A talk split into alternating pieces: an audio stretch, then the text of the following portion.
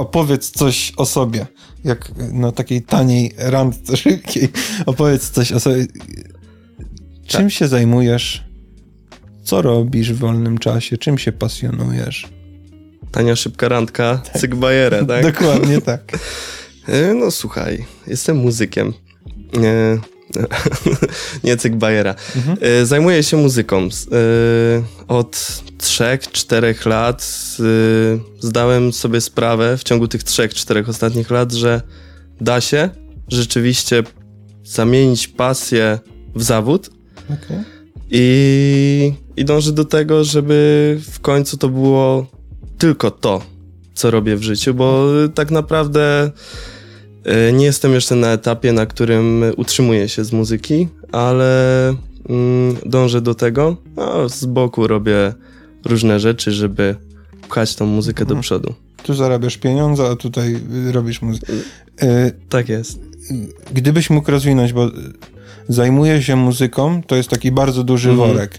Gdybyś, gdybyś mógł, mógł rozwinąć ten temat, w sensie, co w tej muzyce, skąd to się w ogóle wzięło, bo to nie jest tak pewnie, że ci spadło jabłko na głowę i stwierdziłeś, będę gitarzystą. A, nie? Absolutnie nie. Więc gdybyś, gdybyś mógł rąbka tajemnicy w ogóle, początek, skąd, dlaczego, E, zaczęło się dosyć, wydaje mi się, nietypowo. Mhm. Ja w ogóle w życiu nie myślałem, że będę e, muzykiem, gitarzystą, artystą w jakikolwiek sposób. E, tak jak czasem ze znajomymi rozmawiam, to niektórzy mówią, że już tam w przedszkolu wiedzieli, że będą mhm. aktorką albo piosenkarką. Ja chciałem być podróżnikiem i astronautą. Okay. I bardzo lubiłem kopać w piłkę. Okay. Cała podstawówka i pół gimnazjum E, grałem w lokalnej drużynie piłkarskiej, nawet byłem kapitanem. Jeździło się mhm. na zawody i w końcu kontuzja. Okay. Na rok e, wykluczyło mnie to w ogóle z grania. E, miałem zwolnienie z WF-u, to chyba było w drugiej gimnazjum. Okay. Totalna młodzieńcza depresja, bo piłka nożna to była moja, to było moje całe życie wtedy. Okay. Ale w sensie to było tak, żebym, żebym, żebym zrozumiał trochę bardziej, w sensie to było tak, że jakiś klub, w sensie to było po szkole, nie tam, że na WF-ie, tak, tylko tak, tak. grałeś półzawodowo, w sensie jakiś tam młodzik, tak? Ja nie wiem, jak to się nazywa. Wiesz co, na początku w Orlikach, potem okay. byli trampkarze. Okay. No Orliki, później trampkarze. A na samym, potem są juniorzy, juniorzy starsi i seniorzy. A, okay. E, doszedłem do juniorów młodszych i wtedy trafiła mnie kontuzja. I tak, to był dumny klub. E, kurczę, nie pamiętam. E, Barycz Milic, o, Barycz Milic, tak. Okej. Okay. Kontuzja. Siedzisz rok w domu. Co robić? No, no co robić? No właśnie, co robić? I tak siedzi Kuba mały i myśli, myśli i w końcu mówi rodzicom, czy to może rodzice wymyślili, że kupią mi gitarę. Już nie pamiętam dokładnie. Albo ja wymyśliłem, że może chciałbym grać na tej gitarze, albo rodzice mnie do tego popchnęli. Mhm. Ciężko mi sobie przypomnieć. W każdym razie rodzice sprezentowali mi pierwszą gitarę, to pamiętam jest, była Yamaha 310 CE. Tak, zwykła, klasy, Yy, akustyczna okay. z metalowymi strunami. Że, ja nie jestem w temacie, więc musisz mówić jak do, do głąba. Drewniana, w sensie... Drewniana z pudłem rezonansowym. Okay. Klasyczna od akustycznej różni się strunami. No, paroma jeszcze tam rzeczami, okay. ale głównie struny w klasycznej są nylonowe, a w akustycznej metalowe. Okej, okay. a tak w praktyce czym to się różni? Brzmieniem przede wszystkim. Yy a jest I, tak, że i, któraś jest lepsza, a któraś gorsza, czy jedna się nadaje do czegoś innego? Bardziej e, w taką okay. stronę. Na pewno klasyczna jest lepsza dla początkujących, bo nylonowe struny są delikatne dla palców. Wybacza więcej. Zdecydowanie. Okay. Metalowe struny po dwóch tygodniach po prostu takie rowki się robią na... Okej, okay, no, okay. Ból i rozpacz. E, I ty dostałeś tą z metalowymi. Tak jest. Okay. Od razu na głęboką wodę. No i. I co dalej?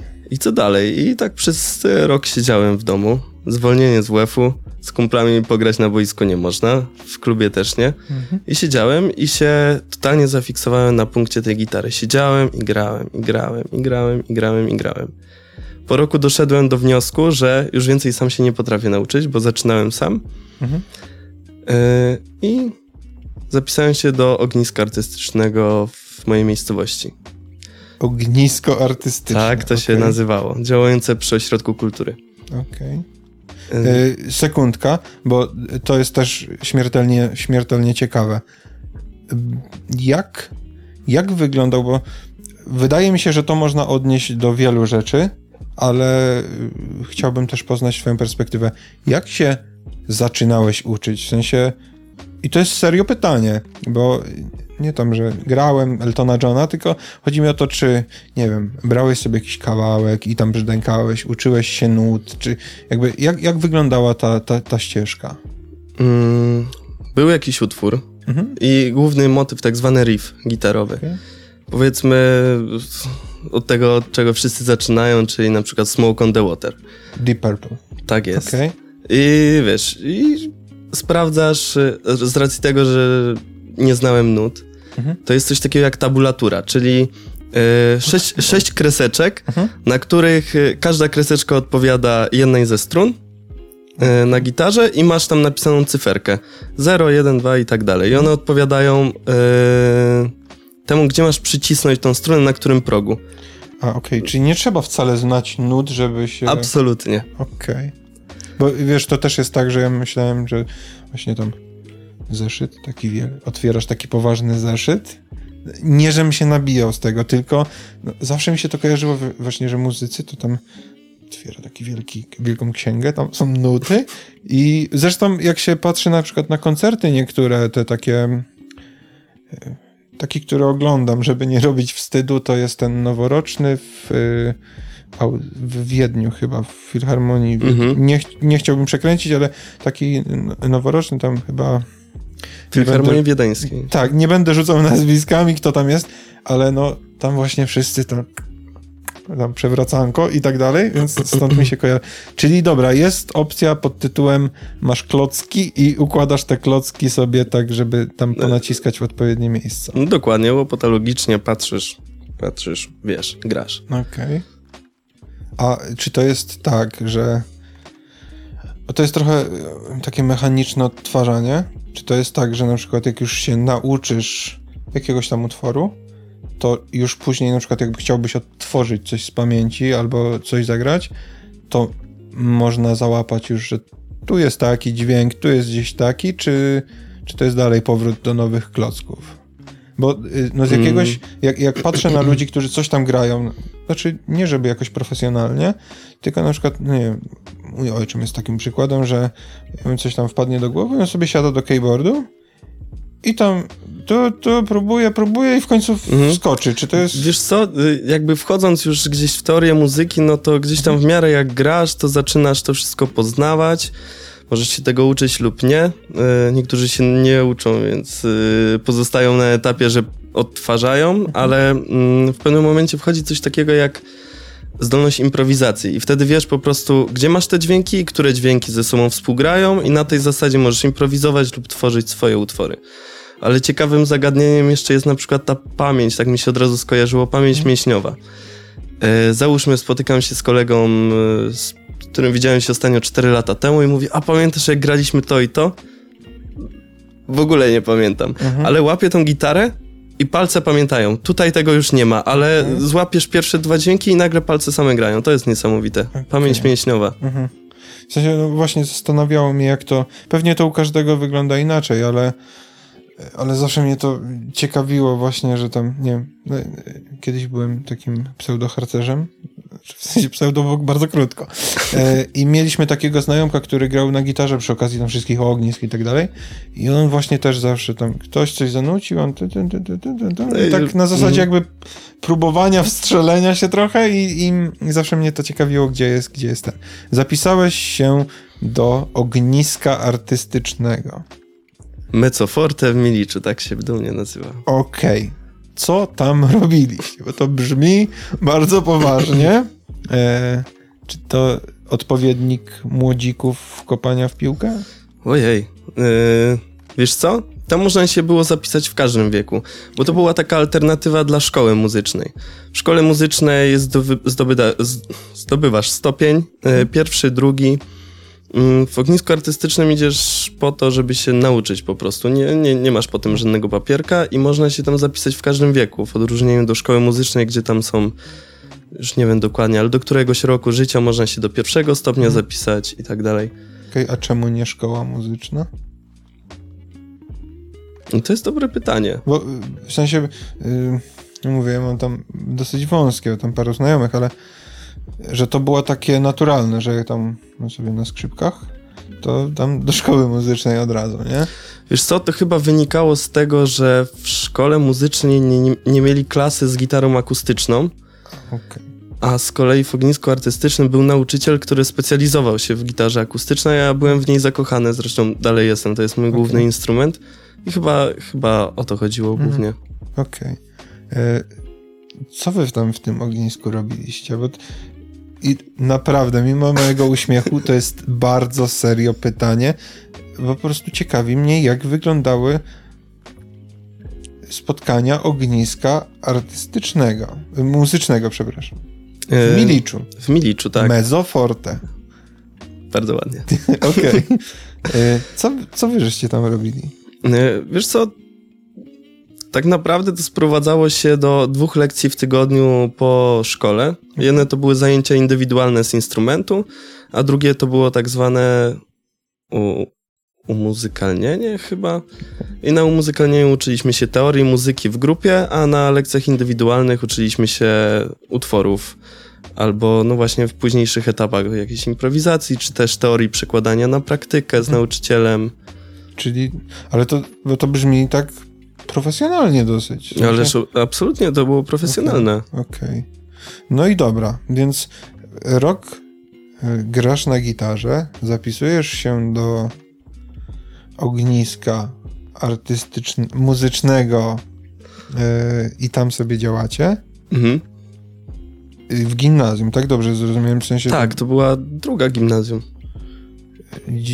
I przewijamy do dzisiaj. Co po drodze się wydarzyło? Mm, chronologicznie? Może być nie chronologicznie. W sensie tak jak, jak wolisz, jak pamiętasz. W sensie to nieistotne możesz pominąć. Ale ciekawi mnie droga od domowego brzdękania na instrumencie nowo dostanym, nowo otrzymanym do mhm. grania koncertów, tworzenia swojej muzyki. To jest zarąbiście długa ścieżka i ja bym chciał ją bardzo chętnie poznać. Mhm. No, jest ona bardzo długa, mhm. jakby tak spojrzeć. Mm. Wiesz co, y, właśnie do tego ogniska jak chodziłem, tam złapa złapałem pierwszy zespół. E, to był zespół działający przy Ośrodku Kultury i to był zespół, e, który grał utwory z folkloru celtyckiego. I wtedy... Dudy, tak? To w, tam, w tamtą stronę to o to chodzi? E, wiesz co? Szkockie klimaty takie to jest... Występują też, ale my akurat mieliśmy skrzypce, flet i gitary akustyczne dwie. Okej. Okay. Musisz mi podesłać jakieś, jakieś tam, bo... Yy, oczywiście. Bo, bo to jest... Yy, gdzieś tam pewnie wrzucimy w opis bo mówię, te celtyckie takie, to mi się kojarzy tam Szkocja w tą stronę i Dudy. W sensie, to jest piękna muzyka, naprawdę mi się bardzo podoba. Wiesz co, to jest też na przykład muzyka irlandzka. A, okej. Okay. Okej, okay. czyli to nie, nie, tak, że miejscowa na przykład tam folklor, bo to też chyba tak jest folklor miejscowy, tam gdzieś na Kaszubach czy gdzieś. Aha, taki. Okay. Znaczy w sensie... Mm. Nie, nie, nie. To właśnie my się inspirowaliśmy tamtymi utworami, co więcej, my nawet nie tworzyliśmy w tym zespole swoich utworów, mhm. tylko aranżowaliśmy mm, takie utwory, które gdzieś tam nie wiadomo kto napisał paręset lat temu i one sobie mhm. krążą i po prostu my swoje aranżacje tworzyliśmy i występowaliśmy gdzieś tam, wiesz, na dniu pieroga i tak dalej. Okej, okej, okej. Co, co się dzieje dalej? Bo to jest póki co to jest całkiem konsekwentna i taka racjonalna ścieżka. Zaraz dojdziemy jeszcze do jakichś tam fikołków. No, nie, bo y, jak, jak, jak rozmawiam z niektórymi, y, Michał był taką, taką, taką osobą, gdzie to jest takie w sensie to jest bardzo piękne, spodobało mi się i ja to po prostu robię. I łapię się, chwytam się czegokolwiek, tylko żeby to robić dla, dla pasji. A u ciebie to tak widać, że jest jakby, jak, w sensie nie żeby to było złe, ale zaplanowane konsekwentnie. Najpierw brzdękam, później gdzieś się tam zapisuję, później zdoby, łapię zespół Mhm. i gramy na dniach pieroga. Wiesz co, ja bym chciał, żeby to wszystko było zaplanowane i cieszę się, że tak to odebrałeś, ale uwierz mi, absolutnie tak nie było. Okej. To było po prostu takie iście za ciosem cały czas, podoba mi się to, to zobaczmy, co da się zrobić dalej. I dalej, i dalej. I, I tak mniej więcej jakby to tak streścić, to w taki sposób wyglądała ta droga, dopóki nie zorientowałem się, że już tak dużo tych kroków zrobiłem, że zacznę to robić świadomie. Bo gdy miałem te 14, 15, 16 lat, no to to było totalnie, wiesz, dążenie po omacku. Ja nie miałem pojęcia wtedy, że będę teraz siedział tutaj i rozmawiał z tobą o tym. Jedna rzecz jeszcze mi przyszła do głowy, y, zanim, zanim przejdziemy dalej w, tam, w tym kroku, y, bo to też mi się wydaje cholernie ciekawe. y, Młody chłopak, znaczy młody mężczyzna w gimnazjum, to jest taka osoba, sensie z szacunkiem do wszystkich, która tam pierwsze imprezy zalicza i tak dalej. I na tyle, na ile chcesz się podzielić, jak, bo ja też miałem sporo doświadczenia z tym, jak znajomi reagowali, kiedy oni sobie biegali za pierwszymi dziewczynami. Nie mówię, że ty nie biegałeś, ale chodzi, popalali pierwsze papierosy, a ty chodziłeś mucić na instrumencie. I tutaj przechodzimy do kolejnego kroku, który zrobiłem. Czyli mm, jak już zacząłem chodzić do liceum, okazało się, że jest paru takich jeszcze świrów jak ja, którzy lubią tą muzykę i grają. I mieliśmy to szczęście, że w Miliczu była taka piwnica muzyczna, która działała y, pod ośrodkiem kultury i nie wiem do tej pory jak to jest, ale po prostu kto miał klucze, to mógł tam wejść. Okej. I to Brzmi jak klub jakiś, tak? Super miejsce, naprawdę świetnie wspominam. E, I razem z tymi ludźmi z liceum, wtedy my właśnie robiliśmy to wszystko, o czym e, przed chwilą wspomniałeś, tylko że z dodatkiem muzyki. Nie chodziliśmy na przykład grać w piłkę, tylko e, chodziliśmy grać muzykę. A czasem zbieraliśmy ludzi i oni z nami w tej piwnicy siedzieli i wiesz, mała imprezka, jakiś tam papierosek pierwszy i tak dalej. Okej. No bo to jest, y, jak, jak sobie pomyślę, w takich, w takich skrajnych przypadkach, nie wiem, to, to też może jakoś, nie chciałbym, żeby źle zabrzmiało, ale na przykład jak rodzice pilnują kariery młodego y, człowieka, to y, zazwyczaj właśnie, tak sobie to wyobrażam, że jest, e, on tam szlifuje, nie, niekoniecznie muzykę, ale tam śpiew, pisanie, taniec, cokolwiek. Mhm. Ja akurat miałem taniec po drodze, no i ja biegałem z butami na kursy tańca, a, znaczy na, na lekcje tańca, a moi znajomi w tym czasie się dobrze bawili. E, I miałem niejednokrotnie takie, a, a może by jednak, nie? W sensie dużo czasu tam wpakowałem w to, Mhm. E, Na pewno zdecydowanie, zdecydowanie mniej niż ty. E, Ale miałem właśnie takie, że trochę patrzyli jak na dziwaka, ale to, to też brało się chyba stąd, że nas nie było dużo. W sensie na całą szkołę tam było nas trzech, czterech, którzy chodzili na, na tańce. Mhm. to brzmi w ogóle. No, ale to jest jeszcze chyba rzadziej spotykane niż ktoś, kto robi muzykę. Tak mi się wydaje, jak u mnie w liceum bym popatrzył Tak. na ludzi. Taniec towarzyski, bo to był taniec towarzyski, to u nas się dużo osób tym zachłysnęło. W sensie, bo to naprawdę było dla młodego człowieka wielkie przeżycie. W sensie, no wow, już tam jedziesz do Trzebnicy na turniej taneczny, nie? gdzie jest cała hala sportowa y, zapchana y, rodzicami tych dzieciaków, które tam przyjechały i to są jedyni widzowie, y, plus jakieś tam skromne jury to to jest jakieś tam przeżycie i był taki chwilę boom na to, a później to się jakoś chyba tak rozeszło. E, Ale mm, nieważny taniec. E, Czyli chodziliście, imprezowaliście razem, ale przy muzyce. Dżemowaliście. Tak jest. Okej. E, Dobra, co, co dalej? Mm, no, no to w liceum właśnie jakieś pierwsze coverowe zespoły. y, też dalej kręcenie się wokół komina i graniu na tych dniach pieroga, tylko że już y, z innymi składami. I pierwszy taki poważny zespół miałem w klasie maturalnej. I to, to, to w ogóle totalnie szalone było. Y, Zespół z Wrocławia, ludzie z Wrocławia i okolic i perkusista, który tam grał, znał mnie i mówi, że no może miałbyś ochotę z nami pograć, tylko że na klawiszach, na syntezatorach. Y, to Świetnie, tylko że ja nigdy nie grałem na tym instrumencie. Ale przyjechał tam wokalista, wtedy dużo starszy ode mnie, bo on już wtedy miał ze 32 lata chyba. Spojrzał na mnie, a ja wtedy tak, długie glane, długie włosy, yy, stylowe, stylóweczka była. Mówi, nada się. A to był zespół metalowy. Taki gdzieś tam w stronę Slipknota, Korna wchodzący, żeby ta elektronika była. Okej. I wzięli mnie do tego zespołu. Ja w klasie maturalnej, gdzie powinienem się uczyć, bo byłem w matwizie, matematyka, fizyka, ciężkie przedmioty, trzeba się uczyć. To ja tak, pierwsza wiz- wizyta w studio nagraniowym, pierwsze koncerty gdzieś poza Miliczem. Pamiętam, że graliśmy i w Katowicach, w Tychach, we Wrocławiu, w Poznaniu, w Łodzi. Totalnie się tym zachłysnąłem. E, Właśnie to studio nagraniowe, gdzieś jakaś wytwórnia muzyczna nami się e, interesowała. To totalny szok. I nagle padło. W sensie padł zespół. Padł zespół. Okej. E, Z powodów, których chyba wolę. mm, Może na, może na, na ofie. Okej, z, po, z powodów, różnych Z powodów. powodów, no. E, ale e, rozpadło się, w sensie każdy gdzieś tam sobie się rozszedł w swoją stronę Tak, każdy w swoją stronę poszedł i zostałeś znowu bez zespołu. i, i świeżo przed maturą. Okej. E, Maturę zaliczyłeś, zdałeś i co dalej z tą muzyką? Olać maturę, muzyka ważniejsza. Oczywiście. Okej. Oczywiście, że tak. Ym, później jeszcze przez rok tak się kręciłem. Też miałem jakiś tam zespół.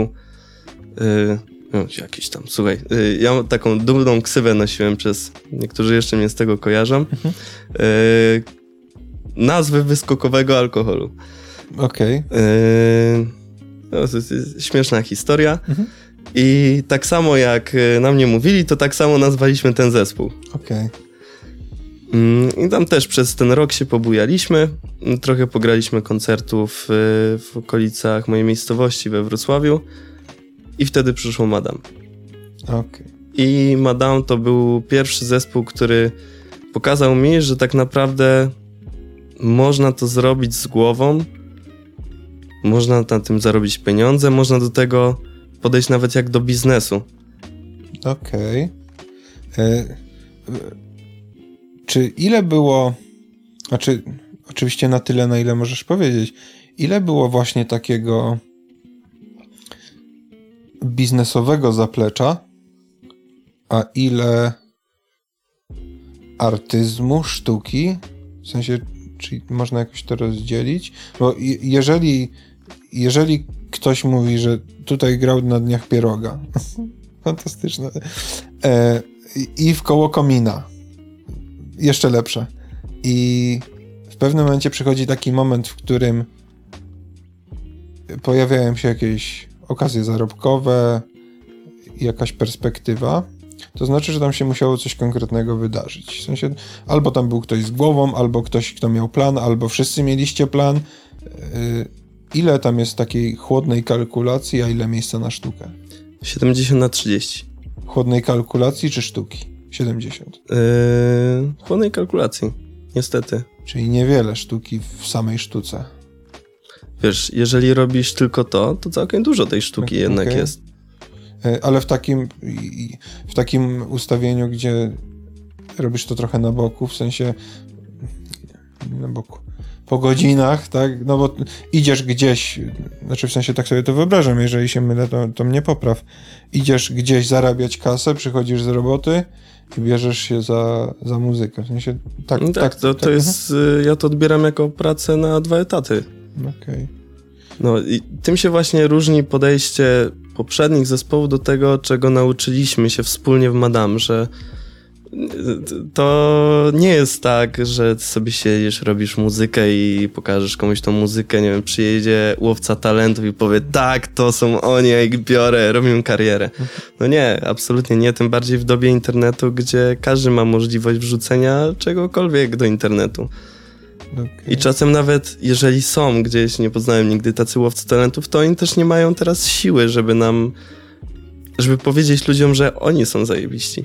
Okay. Bo wiesz, będzie jakiś viral i już, i nie potrzebujesz niczego innego. I właśnie wracając y, w tym zespole, okazało się, że całej tej pracy dookoła trzeba naprawdę dużo yy, robić, mhm. żeby te 30% ludzie w ogóle zobaczyli. Okej. Okay. Ale to w sensie, bo jako taką pracę dookoła rozumiem też na przykład organizację, na przykład wyjazd na koncert, tak? To też jest jakaś tak, tak logistyczna, tak, tak. jakaś logistyczna. Y, my tam y, w duchu DIY wszystko robiliśmy. Ja też do tej pory w tym duchu rozwijam się. Okay. Także to jest, y, wiesz, booking koncertów, ale jak hmm. bookujesz koncert, no to musisz sobie e, przeliczyć, ile ci zejdzie paliwa, żeby tam do, e, pojechać. Musisz coś tam zjeść, musisz gdzieś spać. E, musisz wszystkie rzeczy prawne załatwić, umowy ze wszystkimi miejscami koncertowymi podpisać. W międzyczasie musisz prowadzić social media. Gdzieś musisz jeszcze w tym międzyczasie nagrać utwór.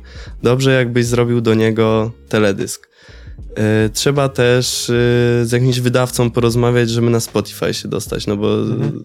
samemu się, wiemy, nie można wrzucać. No i możliwe, że jeszcze o czymś zapomniałem, ale wiesz, to jest bardzo dużo rzeczy, które trzeba robić oprócz tego, że trzeba jeszcze robić tą muzykę na takim poziomie, żeby ludziom się to podobało. Albo żeby chociaż tobie się podobało. Mhm. Bo jak, jak mówisz w, ten, w tej perspektywie, to mi się wydaje, że tego miejsca na granie jest strasznie mało. W sensie, mówiąc cały czas, że nie, nie robi ktoś tego na, na pełen etat całym, całym sobą, tylko gdzieś idzie i zarabia kasę na chleb, a później siada i, i robi muzykę, to w tym wszystkim robieniu tego wszystkiego wydaje się tak z tego, co opowiadasz, że tego miejsca na granie jest stosunkowo niewiele. I pytanie, czy to nie jest tak? I to nie, nie jest pytanie z tezą serio chciałbym się dowiedzieć, czy to nie jest tak, że w momencie, kiedy, bo to, to się odbija też czkawką na przykład młodym przedsiębiorcom, nie tylko młodym, którzy na przykład lubią robić rzeczy z drewna, więc zakładają firmę robiącą rzeczy z drewna i nagle po roku, po dwóch latach okazuje się, że stają się zakładnikami albo więźniami swojej jakiejś zajawki, bo oni chcieli coś tam robić, a okazuje mhm. się, że yy, struganie rzeczy z drewna to nie jest prowadzenie firmy sprzedającej rzeczy strugane z drewna, że to są zupełnie dwa inne światy. I pytanie, czy nie gaśnie zajawka? Czy w trakcie, jak musieliście poświęcać czas na różne inne rzeczy, nie było takiego, kurwa, ja chciałem tylko grać. Mhm. Wiesz co, myślę, że nie gaśnie z tego względu, że efekt jest bardzo wymierny i natychmiastowy. Mhm. Jeżeli zabukujesz sobie koncert, postarasz się o dobrą promocję i przyjdą ludzie, no to wiesz, to, to jest tak niesamowity prezent dla ciebie, że ci ludzie przyszli i im na przykład się podoba, że chcesz to robić dalej. To, że jest dużo roboty, to nie znaczy, że się chyba wypalasz. Takie odnoszę wrażenie. Okej. Okay. E, dla ilu ludzi najwięcej graliście? Mm. Jakieś, jakieś, nie pytam o dokładną liczbę, bo nikt nie tego nie liczył, ale to... Wiesz co, paręset osób. Okej. Okay. To sporo. Yy, chociaż największy koncert grałem... Na dniach pieroga. tak jest. Słuchaj, miałem wtedy coverowy zespół i graliśmy support, yy, czyli yy, graliśmy przed mhm. zespołem yy, Chadoman. A to nie jest takie coś disco polo, tak? Tak, to jest disco polo, absolutnie tak. No i wiesz, dni pieroga, niedziela, czadomen, wszystko się zgadza, wszystkie wsi dookoła się zjechały. Okej. Okay. I ten czadomen z nami na kulisach mówi, kurwa, ja już nie mogę tego disco polo, już mam dosyć. Opowiedział nam historię, że on w ogóle 8 lat grał w różnych zespołach metalowych jako yy, wokalista. On jest wykształconym muzykiem, ale po 8 latach stwierdził, że nie ma z tego pieniędzy, spróbuje disco polo. Okay. I pykło. I pykło.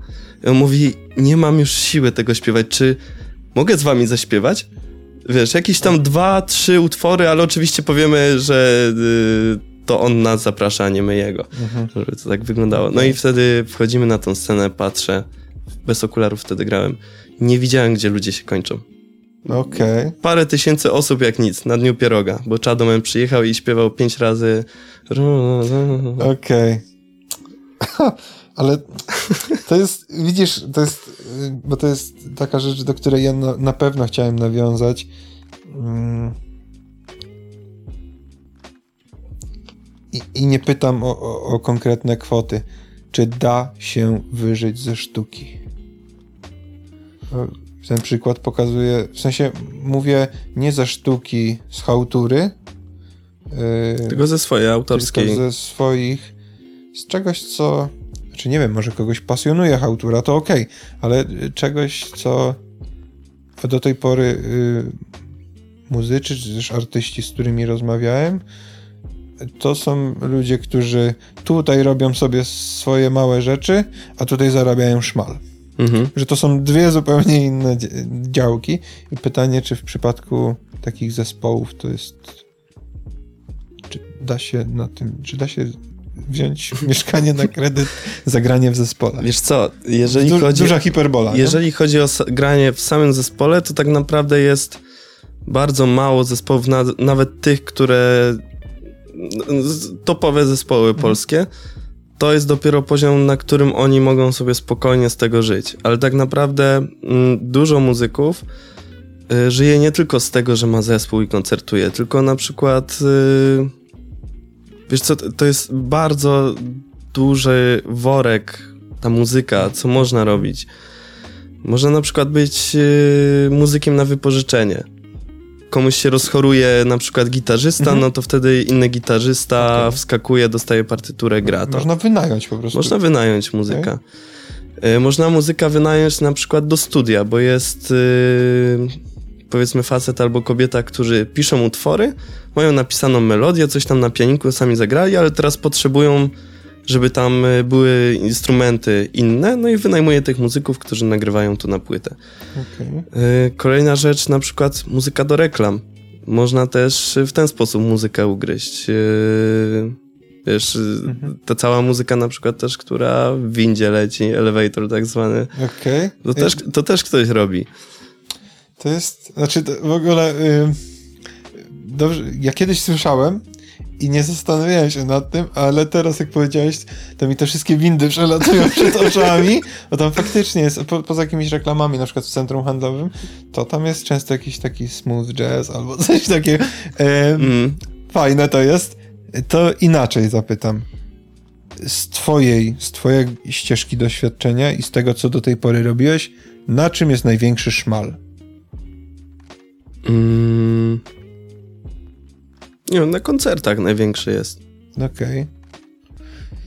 Czyli to jest taka najsensowniejsza droga. W sensie, bo cały, cały czas nie, nie powiedziałem tego, ale mi, mi, rozumiem to tworzenie muzyki takiej artystycznej jako nie wiem, jakąś taką pod warunkiem, że kogoś to kręci, tak? Mówię o takiej ambitnej muzyce, że ty tam siedzisz miesiąc, czy tam ile i składasz sobie swoją piosenkę i później ją nagrywasz i później wydajesz teledysk i to jest takie mm. wymuskane twoje, że ty to czujesz i, i spędziłeś na tym mnóstwo czasu. I praktycznie ciągle pakujesz w to pieniądze. To, to nie jest tak, że zwraca się od razu, w sensie po wypuszczeniu kawałka, chyba że tam pójdzie wiralem. E, ciekawiło mnie ten, ten aspekt, na ile faktycznie z takiej artystycznej strony można się utrzymać. Czy, czy to jest w przypadku, wiem, w przypadku na przykład pojedynczych wokalistów, czy też twórców, mhm. że taka ambitna muzyka nie da ci dobrego samochodu, czy też jakiegoś tam w ogóle samochodu, e, raczej słabo z jakimś takim utrzymaniem typu kupno mieszkania, że to nie są rzeczy, które ci przypompują, pomijając jakiś taki wysoki poziom. I, i a, a ciekawiło mnie, jak to z tej strony zespołowej, bo tam jest raz, że to jest, tak mi się wydaje przynajmniej, że to jest trochę większe, w sensie to jest trochę większe z, yy, nie że zbiorowisko ludzi, tylko e, brakuje mi słowa, kompletniejszy, mm, pełniejszy obraz. No jak masz sześć osób, które każda coś tam robi e, i nawet organizując koncert, to te sześć osób zna po 100 osób, to masz sześć, 600 osób na koncercie, tak? Jedna, w teorii. W, te, w teorii, tak? E, I, I zastanawiam mnie, czy granie, jeżdżenie po no właśnie, co, co może robić zespół, żeby a. robić to, co im się podoba, a dwa. zarabiać na tym kasę. Gdzie jest taka ścieżka najsensowniejsza? Może o, w końcu się wysłowiłem. Najsensowniejsza. Najsensowniejsza. Bo mhm. gdybyś mi mógł powiedzieć, jak wygląda. Czy to jest tak, że ktoś dzwoni do was, dzwonił, przepraszam, dzwonił i mówi: Słuchajcie, w moim klubie chciałbym, żebyście zorganizowali koncert czy to raczej było tak, że to ty wydzwoniliście i chcielibyśmy zorganizować koncert u was w klubie? Mhm. Wiesz co, no w pierwszych latach działalności, no to oczywiście my dzwoniliśmy. No nie... A, czyli można to wyjść jakby ze swojej... No, zdecydowanie, to jest okay. większa część e, tej e, pracy, którą trzeba wysłać. Wiesz, tysiąc maili, 1% się zgodzi, 5% odpowie, 1% z tego jeszcze powie, że ok, gramy i, i masz parę grań. Yy, serio. Bardzo dużo jest telefonów, yy, maili. Yy, ale tak, y, w następnych latach, jak już na przykład zagraliśmy gdzieś i ktoś zobaczył, że ten zespół jest taki, zaprezentowaliśmy się dobrze, mhm. to albo zapraszał nas ponownie, albo poczta pantoflowa. Wiesz, komuś tam powiedział, że jest taki mhm. zespół, no to może kumpel tego gościa do nas zadzwoni. Michał wspominał, tylko jakby on, on troszeczkę na innym polu działa, ale on też wspominał na przykład o takich rzeczach, że e, oczywiście jakby całkowicie, całkowicie uczciwe rzeczy, że ktoś zapytał, czy na przykład zaśpiewa mu na weselu, tak, w sensie, te, to też się rozchodziło jakoś pocztą pantoflową, ale że to też są jakieś, jakieś takie mhm. e, początki. Ile Madame funkcjonował? Mm. 5 lat, ze mną 4. Co największego wam się udało? Nie, nie, nie jakby materialnego, tylko coś takiego, co uznajesz za. Mam coś takiego. Okay. Taką wiesz, że, że jak wspominasz ten projekt, to sobie pierwsze, co ci przychodzi do głowy, to że wow, to było, to było mega w tym. Mhm. Yy, mieliśmy przyjemność zagrać na fabryce gitar w Lwowie marki Terembita. Yy, to był organizowany koncert z cyklu Sofar Sounds. Okej. Okay. Nie znam marki. Nigdy nie byłem w Lwowie, ale rozumiem, że jeżeli to jest największe, to to jest coś takiego wow. Yy, w ogóle kojarzysz inicjatywę Sofar? Nie za bardzo, przepraszam. To, to się już wyjaśnię, nic się nie dzieje. To się wywodzi bodajże ze Stanów Zjednoczonych i mm, może trochę nas myślam, mhm. ale generalnie idea jest taka, żeby organizować koncerty w miejscach nieprzystosowanych do tego, żeby te koncerty się odbywały, typu właśnie na przykład fabryka gitar albo jakiś butik, albo w bibliotece, albo gdzieś, kurczę, nie wiem, w kanale stary.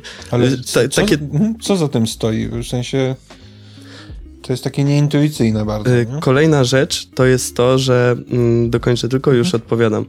Kolejna rzecz to jest to, że mm, o koncercie odbiorcy dowiadują się 24 godziny wcześniej Okej. Okay. I są to takie bardzo kameralne y, koncerty na 10 do powiedzmy maks 40 osób. Okej. Okay.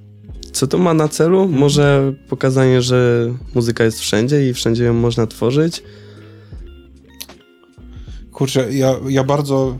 To dla mnie taka wizja, porównując na przykład, nie wiem, byłem na chyba dwóch takich dużych koncertach w hali więc nie chciałbym pierdolnąć, bo mnie zabiją w komentarzach, jeżeli ktoś to będzie oglądał kiedykolwiek. W hali stulecia. Nie w hali ludowej, tylko w hali stulecia. E, to nie jest mój klimat. W sensie koncerty to jest totalnie nie mój klimat. Za dużo ludzi, ja się dużo lepiej cieszę muzyką słuchaną mhm. gdzieś tam przeżywaną samemu. Tym bardziej, że na tych dwóch koncertach, na których byłem, mój ulubiony artysta wyszedł w stanie wskazującym na spożycie i, i, i trochę się zawiodłem. Mhm. I dlatego jestem bucem i nie chodzę na koncerty, ale kupuję ciuchy, kupuję płyty. E, I odpalam Spotify'a, żeby mu trzy grosze wpadły. W każdym razie Ach, mm. żeby to były trzy grosze za odtworzenie, to... Nie, tam chyba jakieś tam zero set na ile. Tak, tak. tak. Y, czy ja dobrze kojarzę, że podobne klimaty były organizowane tutaj u nas we Wrocławiu? Nie chciałbym pomylić nas za niezajezdnia. Centrum. Kurczę. To jest przy zajezdni. Yy... Yy, masz na myśli czasoprzestrzeń? Tak, Okay. Tak, y, moja kobieta wspominała o tym, że tam dosyć często ona była przynajmniej uczestnikiem takich koncertów, że tam w ogóle nawet nie było ogłoszenia, że jest koncert. Tylko ktoś powiedział komuś i tam się nagle zwalali ludzie mhm. i grał ktoś na przykład tam mniej lub bardziej sławny i nie było żadnej informacji nigdzie o tym, ale tam ponoć to ukrócili ze względu na przepisy przeciwpożarowe, że tam jakiś problem był ale nie wiem, czy to dalej funkcjonuje. Mm, z tego, co się orientuję, teraz czasoprzestrze czasoprzestrzeń skrupulatnie przestrzega zasad informowania ludzi o A. danych okay. wydarzeniach. Okay, I okay. tam naprawdę dużo się dzieje. Tam nie ma dnia w miesiącu, żeby coś się nie działo. Warsztaty, mhm. tańce, koncerty, warsztaty, wernisaże. Codziennie jest coś. No to takie kojarze tętniące mnie tam odesłali, jak szukałem miejsca do nagrywania i rozmawiałem z fantastyczną panią, z tego co, bo oni albo są częścią, albo współpracują z Tratwą. Mhm. E, to była chyba pani wiceprezes, nie jestem pewien, mogę się mylić, e, z którą miałem przyjemność rozmawiać. Ona mówi: OK, bardzo chętnie cię weźmiemy. E, nie ma najmniejszego problemu, nawet mamy fajne miejsce, ale terminy są na przykład wtorek 9.15 do 10.15. Na weekend możesz się zapisać za półtora roku, bo tam są też jakieś koncerty i to w tej mm. salce okazało się, że są próby i nie można by było nagrywać, więc e, nie byłem tam. Widziałem tylko zdjęcia. Fantastyczne miejsce z opowieści słyszałem ludzi, którzy tam chodzą, że to jest. Nie, to jest fantastyczne sztos, miejsce, tak. Ale, ale żeby się tam dostać, szkoda, brakuje, brakuje trochę m, mm, takich więcej miejsc. E, wróćmy do Madam. E, mhm. Więc y, największy koncert, a tak dla siebie taką wartość największą z istnienia zespołu? Mm, jaką wyciągnąłem, tak?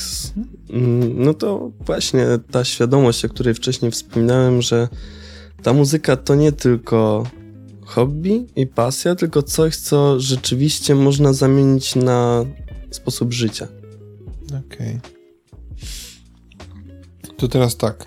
Mamy mamy całkiem ciekawy projekt, który sobie dobrze radził, można tak powiedzieć.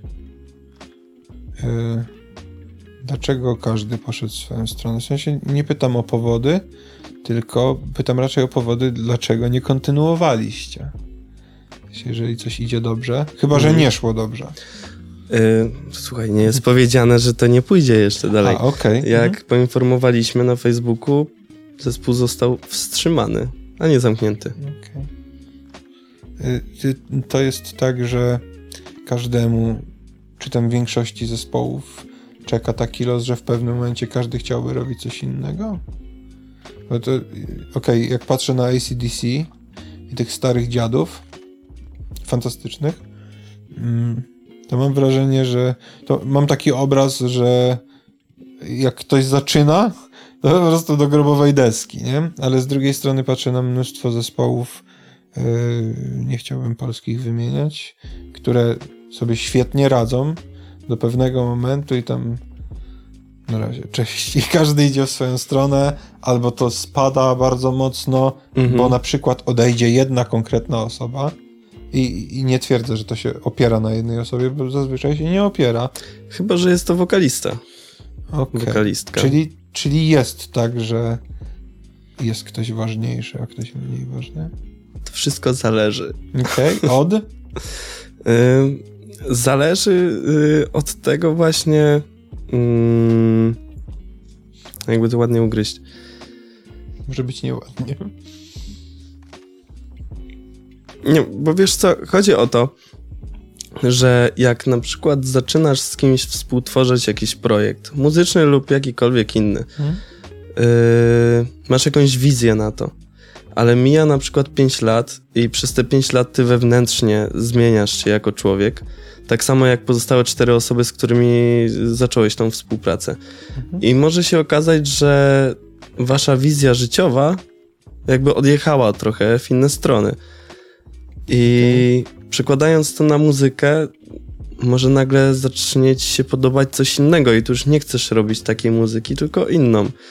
No i w tym momencie, jak mógłbyś to dalej robić, skoro nie byłbyś w tym szczery? Męczyłbyś się, po co masz to robić? Okej. Czy to jest tak, że jeżeli ktoś wypadnie, znaczy, bo to są różne, tak? Zespoły są różne, składają się też z różnych nie wiem, czy dobrze powiem, muzyków, w sensie instrumentalistów, tak? Różnych osób grających na różnych rzeczach. Mhm. Czy to jest tak, że i brutalnie, że kogoś jest łatwiej zastąpić niż kogoś innego? No to właśnie z tym y, frontmanem jest. y, Wok- wokalistą, tak? Wokalista, wokalistka, tak. E, przede wszystkim mm, ludzie mocno przyzwyczajają się do barwy głosu.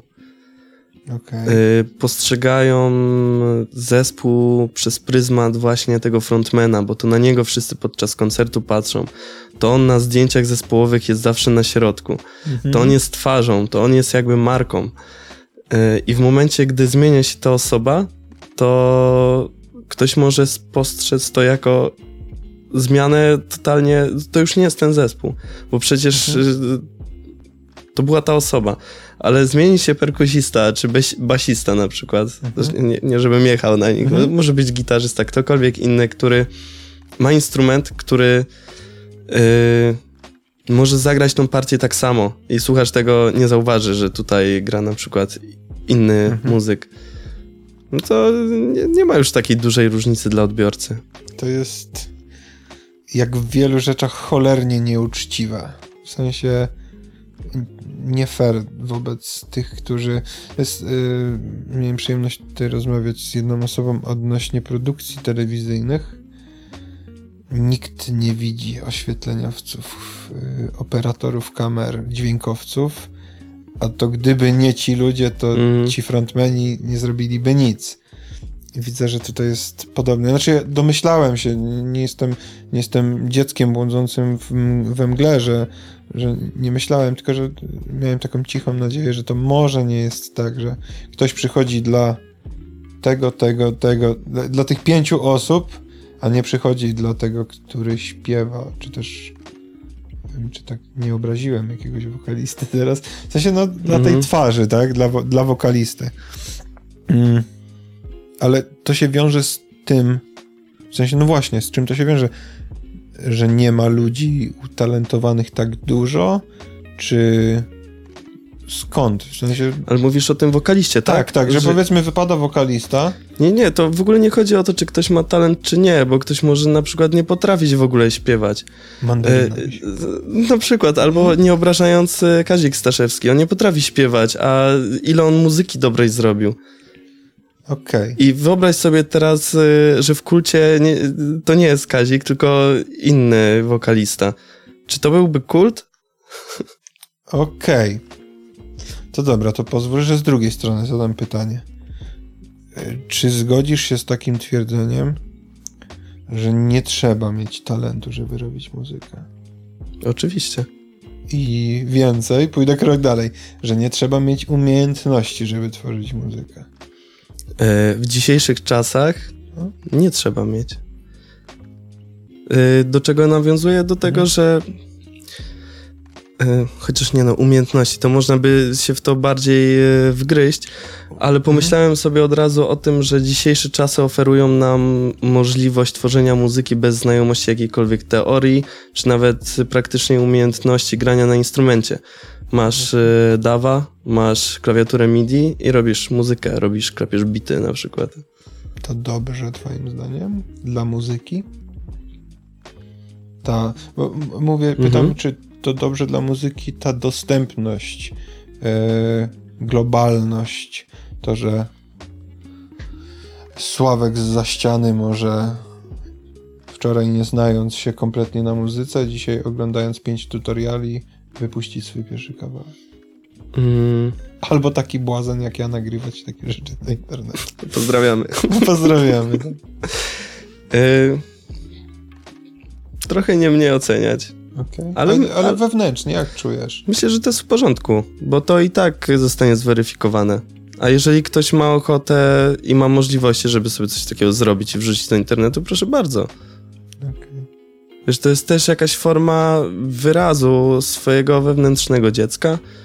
Kiedyś mogłeś sobie kupić płótno i farbki i też y, nikt na ciebie krzywo nie patrzył, że sobie kupujesz to płótno i malujesz. Nawet możesz je sobie w oknie postawić. Teraz okay. możesz zrobić muzykę i wstawić to do internetu i masz takie prawo.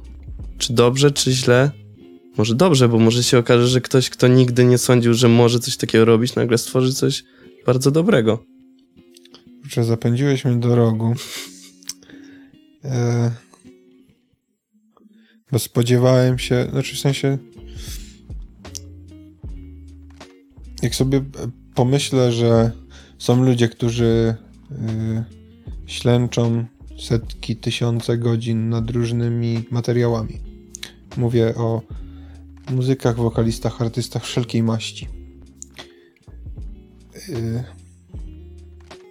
nie wiem, czy to dobrze, czy źle, czy mi się dobrze wydaje, czy źle, ale jak widzą, że przychodzi ktoś z ulicy mhm. i poświęca bardzo mało czasu i bardzo mało energii i nie ma wiedzy i robi coś, co pójdzie wiralem, bo akurat tak się klikło, to może go zapiec dupa. Mm, tak, tylko nawet jeżeli pójdzie to w szeroki internet, to co z tego dalej? Myślisz, że na takim jednym utworze on poleci? To mm. będzie.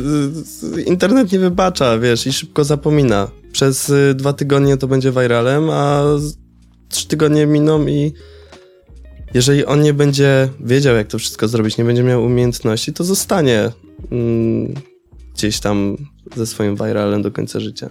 Okej. Okay. A może nie? Ale tak mi się wydaje. Okej. Okay. To, to, to inaczej.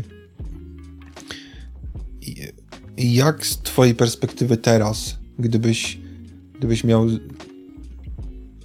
zacząć na przykład na nową muzykę. Masz tą wiedzę i doświadczenie, mhm. ale nie potrafisz grać i dzisiaj dostajesz swoją pierwszą gitarę, to na czym byś się najbardziej skupił? Gdyby potencjalnie, wyjaśnię jakby background.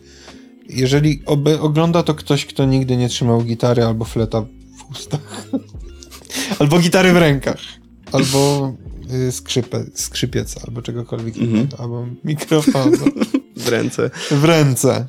Yy, I chciałby zacząć, to -hmm. zamiast takiego ślepego błądzenia może posłuchać kogoś, kto ma już parę lat doświadczenia w tym.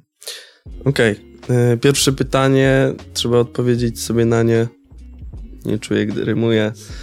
Yy, po co w ogóle chcesz to robić?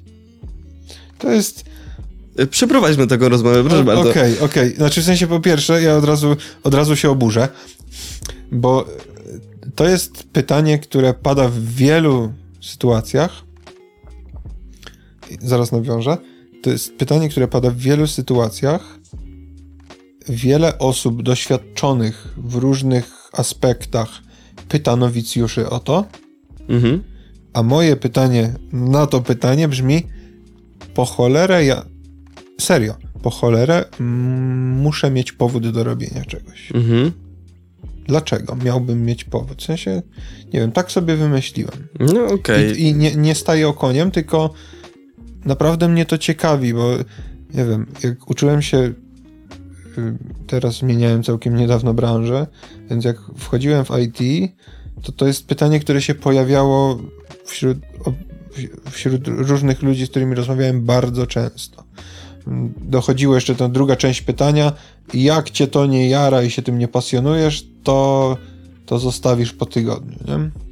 Jak zaczynałem nagrywać, było to samo pytanie. Jak pisałem bloga, było to samo pytanie i to Czyli ja muszę mieć zawsze powód do czegoś. Po co mi ten, do czego mi ten powód? Pytam jako nowicjusz, który chce się czegoś nauczyć, doświadczonego muzyka. Mm. Dlaczego muszę mieć powód, żeby chcieć się nauczyć grać na gitarze? Odnoszę wrażenie, że wszystko robimy z jakiegoś powodu, nawet zachcianka, bo tak, to jest powód. Powodem, y, no tak, to, to, to chciałem powiedzieć. Okej. Okay. Czyli na to pytanie równie dobrze mogę odpowiedzieć bo tak mi się ubzdurało. oczywiście. Okej. Okay. Czemu, czemu ten powód przychodzi jako pierwsza rzecz? Mm, bo moja odpowiedź jest uzależniona od twojej odpowiedzi. A, okej. Okay. Bo można podejść do tego w sposób yy, powiedzmy taki emocjonalny. Mhm. Można podejść do tego w sposób profesjonalny muzyczny, w sposób biznesowo-muzyczny. Okej. Okay. Mm, w zależności od tego, co kto będzie chciał osiągnąć, pokierowałbyś go po prostu inaczej. Tak. Czyli jeżeli ktoś sobie ubzdurał, że będzie grał na gitarze, to może pierwszym krokiem nie jest to weź idź kup gitarę, tylko pożyć gitarę na tydzień od kogoś, zobacz, czy ci będzie. To byłoby na pewno racjonalne. A ja na pewno bym tak nie zrobił. Okay. Ale ja jestem mhm. pochopny. Okej. Okay. No dobrze, to powiedzmy, że ktoś chciałby się nauczyć Chciałby zrobić karierę muzyczną. Mhm. Tak mu się marzy. To co by mu starszy kolega z doświadczeniem doradził? Na czym, wiesz, są te różne takie podziały, że się musisz skupiać tyle, a tutaj tyle. Na czym, co, co najbardziej zaowocuje w takiej sytuacji? Co przyniesie największe, nie chciałbym mówić benefity, profity, ale jaka praca wykonana da najlepsze efekty, rezultaty.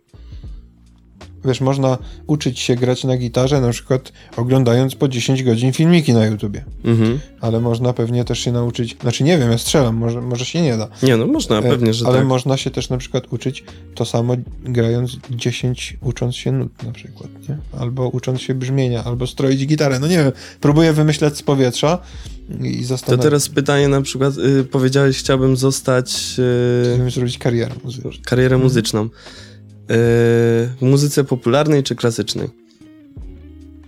Kurczę, w klasycznej, żeby nie było za łatwo. No dobrze, no to tutaj odpowiedź jest prosta. Yy, szkoła muzyczna. W twoim wieku? Czy jako, jakbym mówił... Yy, nie, no powiedzmy w moim wieku. Czy już się nie łapię na to? Ciężko. Mi też by było ciężko, bo... Skąd to się bierze?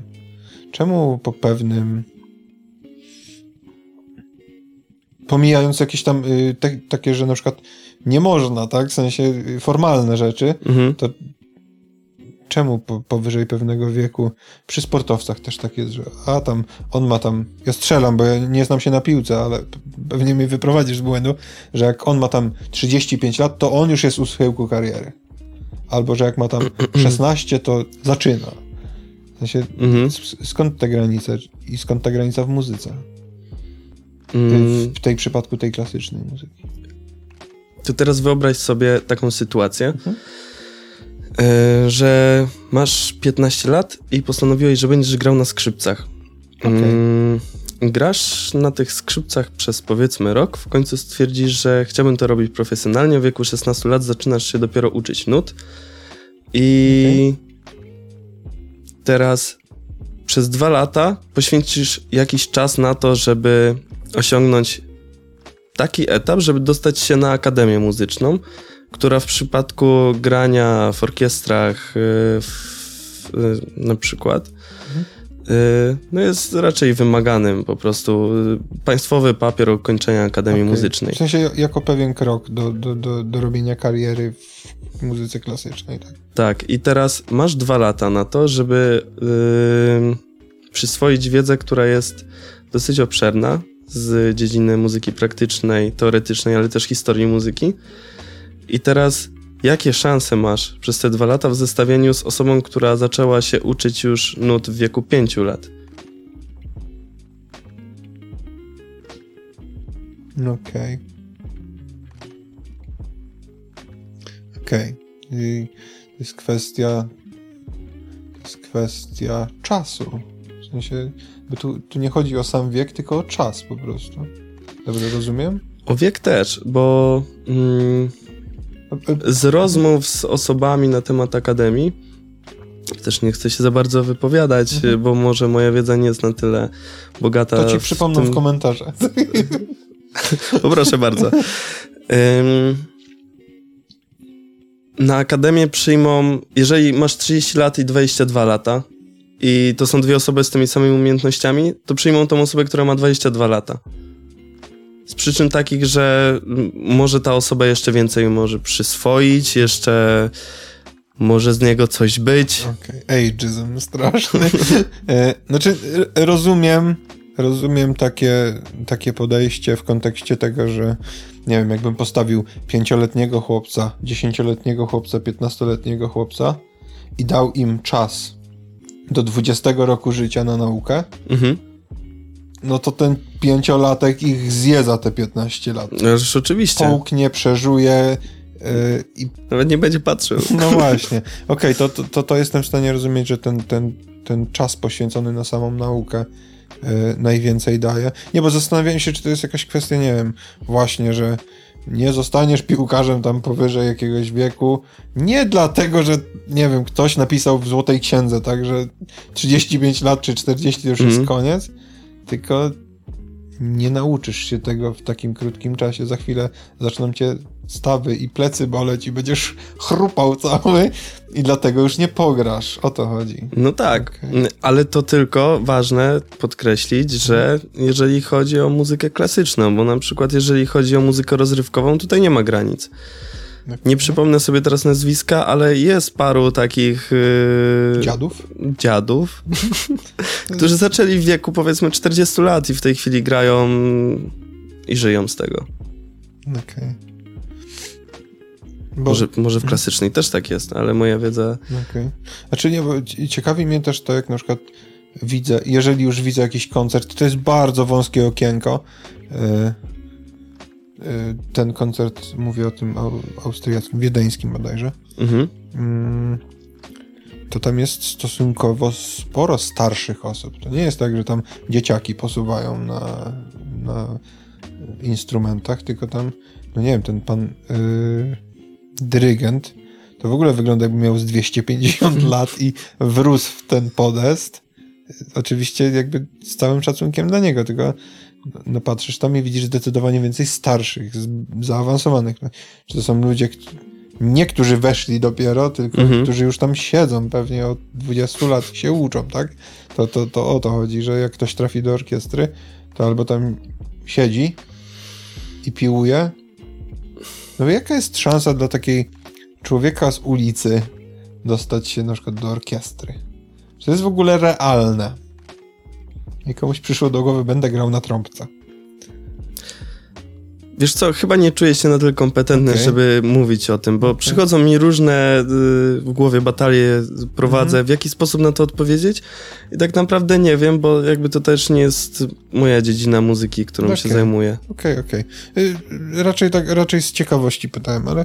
Mm, okej, tych barier w Ale myślę, że żadnej. w barier w muzyce popularnej nie ma. Tak by się mogło wydawać. To dlaczego jest tak niewiele,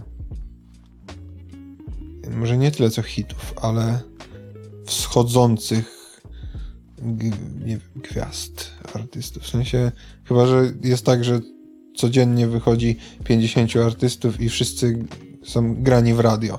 No chyba nie jest tak. Jest bardzo dużo ludzi, dlaczego tylko wąski odsetek się dostaje? Z Mhm. twojej perspektywy. Jakby ja mam jakieś swoje wyobrażenia, ale chcę kogoś ze środowiska.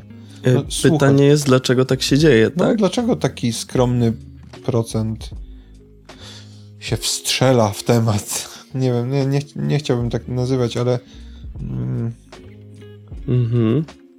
udaje im się dostać gdzieś wyżej. pomijając tam, nie wiem, albo Malika Montana, nie? Rozumiem, że kontrowersja i muzyka rozrywkowa też się rządzą swoimi prawami. I rozumiem, że wiele osób ma dos, do, dostęp do możliwości. Nawet jak nie potrafi śpiewać, to tam wtyczki zrobią swoje. Ale mimo wszystko, poza jakimiś pojedynczymi przypadkami, chyba, że ja jestem w tak ciemnym lesie, że nawet sobie nie zdaję z tego sprawy, to mnie z niego wyprowadź. Stosunkowo niedużo artystów wypływa w perspektywie na przykład tam roku, czy, czy dwóch lat. Ile to jest dużo? Nie wiem, miałem takie wyobrażenie dla mnie, nie? W sensie, mhm. jeżeli mówimy personalnie, biorąc pod uwagę ilość ludzi, która tworzy, tak mi się wydaje, że raz na miesiąc jakby ktoś zrobił dużą karierę, to że to jest tak optymalnie, adekwatnie do tego, ile osób startuje, nie? Mhm. Ale pytanie, bo chyba jedna osoba miesięcznie nie wypływa. Taka, że wiesz, chodzi o to wypłynięcie, mam na myśli, nie wiem, wydanie krążka sprzedawanego w Empiku, yy, teledysków ze czterech pewnie na płytę i chociaż jedna piosenka w radio to to rozumiem jako taki, no już powiedzmy jakiś tam sukces. Minimalny, ale sukces. W takiej kategorii to wypływa co miesiąc taki zespół. A, okej. Okay. Mhm. okay. Wiesz co, wydaje mi się, że o tym wypłynięciu, tak mi się wydaje, mhm. y, można mówić w momencie, gdy wszyscy o tobie na przykład rozmawiają. Był taki moment, że Mata wypłynął, y, był taki moment, że Sanach wypłynęła i dalej się utrzymuje. Mhm. Mata chyba już nie pływa. znaczy, no. Ja nie mam, nie, nie mam nic personalnie do jego muzyki. To jest y, pewnie fantastyczne utwory dla wielu ludzi, ale mam takie poczucie, że to jest właśnie takie one hit wonder. Że on się pojawił, wyszła pato inteligencja. Mhm. I to jest właśnie kolejny mm, element tego, że często ludzie się pojawiają i znikają. Mm to na przykład nawiązując do tego, co wcześniej powiedzieliśmy a propos tego virala. Mhm. No właśnie. Pojawia się i może nawet ma jakieś tam zaplecze muzyczne, yy, ale się nie udaje. Dlaczego to się nie udaje? Dla mnie na przykład definicją dużo mhm. jest 100 tysięcy utworów na Spotify dziennie. Takie są statystyki. W sensie mówisz o ilości, czy o ilości odtworzeń? O ilości y, dodawanych utworów z całego świata na serwis Spotify. 100 tysięcy dziennie. Tak.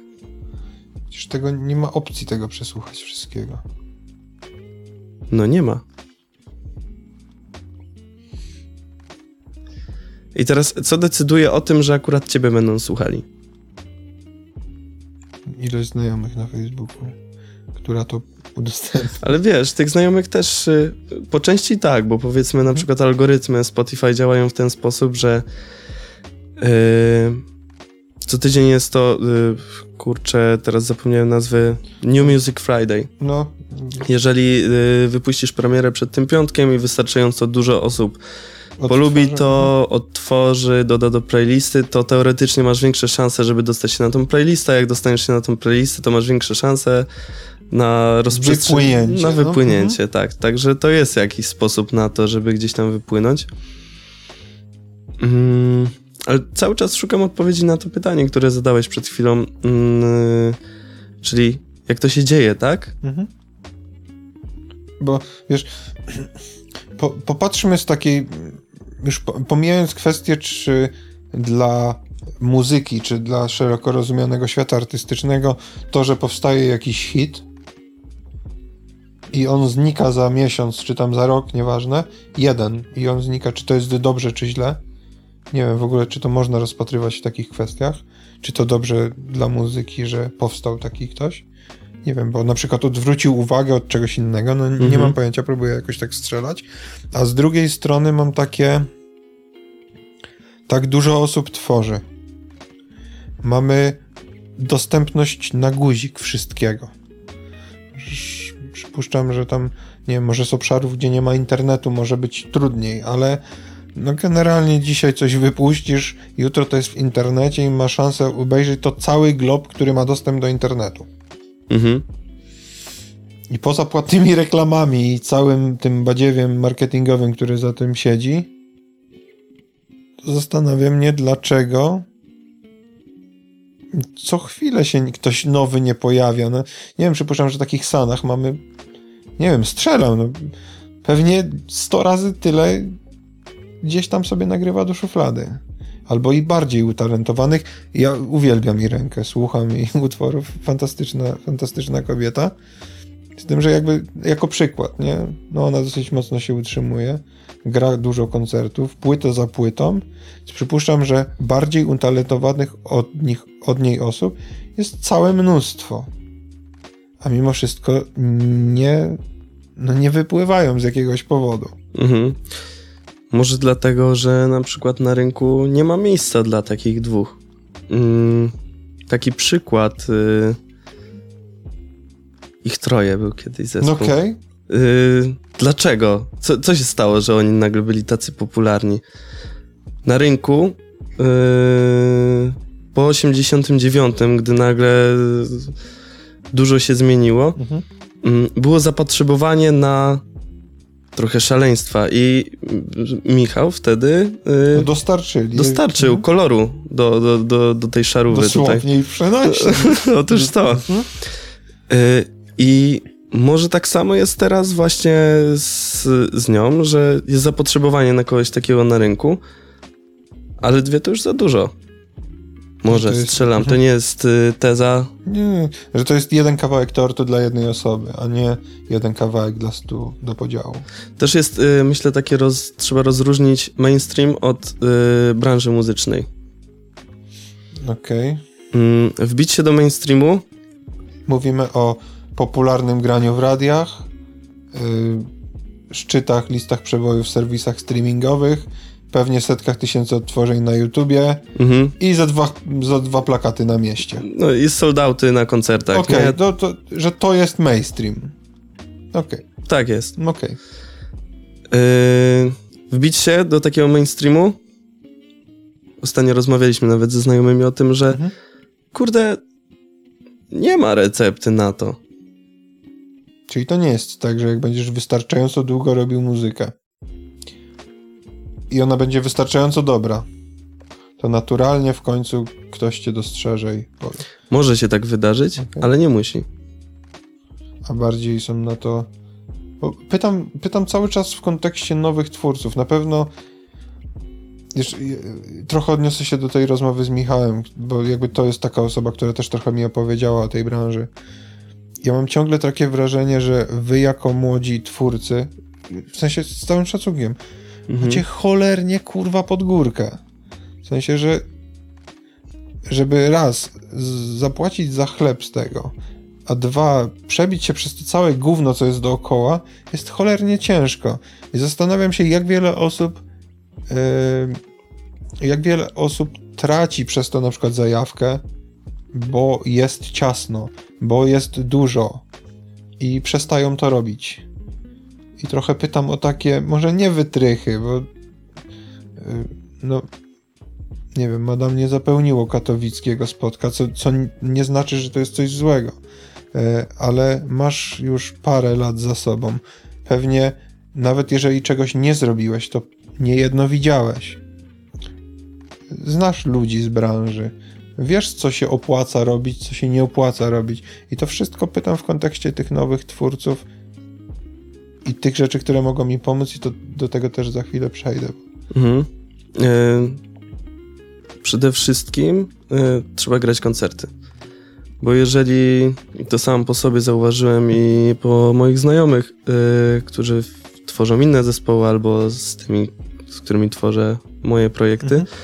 jeżeli zbyt długo nie koncertujemy, to chęć, zapał i te murale bardzo spadają. Nie, w zespole. W zespole w momencie, w którym zagrasz koncert, to od razu jak strzał z pioruna, ładując się baterii, chcecie się to wszystko robić. Mm. Ale to jest kwestia mm, na, nakreślę. To jest kwestia wyjścia do ludzi, to jest kwestia jakiejś innej energii, z, z, nie wiem, innego środowiska niż studio nagraniowe. Mm, ale wiesz, po co w ogóle to robić? Czym jest sztuka dla sztuki? Robisz y, coś możesz całe życie się oszukiwać, że tylko dla siebie, ale też mhm. robisz to dla innych. Może być tak, że robisz mhm. tylko dla siebie, ale w końcu stracisz ten zapał, bo jesteśmy zwierzęciem stadnym i muzyka to jest w ogóle jedna z pierwszych rzeczy, która w taki sposób y, potrafiła połączyć całe plemiona w rytm mhm. i w melodię tańczyć yy, wspólnie. Okay. I myślę, że to jest coś, co ciężko w ogóle ubrać w słowa. Ta energia, jaką dają ludzie, gdy ty dajesz im coś, co sam stworzyłeś, a oni dają ci w pewien sposób siebie przez godzinę. No to jest. Nigdy, nigdy się nie pochylałem nad tym tematem. Y, z racji tego, że jakby nie siedzę w branży, ale na przykład yy, znajomi, którzy. Oj, sobie to, robią sobie jakiś rap. Nie? W sensie. To fajnie, jarają się tym super. Jak widzę, że oni tam zebrali wypuścili. To jest chyba epka. Jak tam mm-hmm. Kuba, jak coś źle powiedziałem, to mnie popraw. E, I zebrali kilkanaście tysięcy wyświetleń. Grają we Wrocławiu po jakichś takich piwniczych klubach undergroundowych dla tam paru. I tu jak znowu się mylę, to mnie poprawcie. Dla paru dziesięciu osób. I widzę, że tam jest bardzo dużo takiej energii, chęci robienia tego z takich nie pobudek, że tam gdzieś jest dolar, się świeci komuś w oczach, mhm. tylko że im się po prostu chce, nie? I myślę, wow, e, udało im się, nie? W sensie, że no kilkanaście tysięcy tam od wyświetleń e, albumu to jest całkiem, całkiem sporo. W sensie jak dla nowego wykonawcy, tak sobie myślę. A z drugiej strony mam takie zderzenie, no dobra, ale popularność to jest tam jak grają cię w radiu. I trochę się nie potrafię z tym mhm. zmieścić. Mm. Tak ze skrajności w skrajność trochę. Ja bym. Y, y, mam no? takie pragnienie, pragnienie, żeby sprostować jedną rzecz, hmm? bo tak naprawdę y, radio już przechodzi do lamusa. Słuchalność stacji radiowych bardzo mocno spada na przestrzeni lat i wypiera je internet, streaming. Okay. Także to, że grają cię teraz w radio, to nie jest wyznacznik. Okay czy, czy w takim układzie dalej wymiernym wskaźnikiem jest ilość wyświetleń? Czy to w ogóle ma jakiekolwiek znaczenie? I, I, nie pytam w kontekście zarobkowym, tylko pytam w kontekście artystycznym. Gdyby Madam, to jest takie pytanie, które się dosyć często, często pojawia, yy, wylejmy na szkiełko laboratoryjne Madam, gdyby mhm. przychodziło pięć osób na wasze koncerty i każdego kawałka słuchałaby rodzina i znajomi. Najbliżsi, nie mhm. jakieś wielkie grono. Niech to będzie 15 wyświetleń. Dalej czerpalibyście taki sam fakt. Mm. Hmm. Gdyby jedyne koncerty, jakie byście grali, to dla kuzyna na, na urodzinach. I, I, nie mówię tam, że przy stole, tylko no, próbuję tak, wiesz, taką trochę abstrakcyjną sytuację. Myślę, że to zależy od ambicji, yy, jakie masz w sobie. Okay. Jeżeli tobie to wystarcza, że raz do roku na wujka urodzinach zagrasz mu swoją wersję 100 lat, super. Ale jeżeli masz większe, mniejsze jeszcze ambicje, no to dąż do tego. To jest kwestia indywidualna to jak w takim razie z dużymi ambicjami, wyobraźmy sobie jakąś taką osobę, która ma duże ambicje i ten cholernie ciasny rynek, jak sobie, jak sobie to poukładać? Znaleźć na przykład yy, swoją niszę. I to jest taki tajemniczy termin. Mhm. Czym jest. Serio, bo ja nie, nie wiem mhm. okay. i, i nie próbuję sobie wpasować. Czym jest taka nisza dla ambitnego muzyka? Co, co, to może być? Czym ona może być? Co to może być? Yy, popatrz, na przykład muzyka hip-hopowa w tej chwili weszła do mainstreamu. Jest to muzyka popularna. Mhm. Hmm,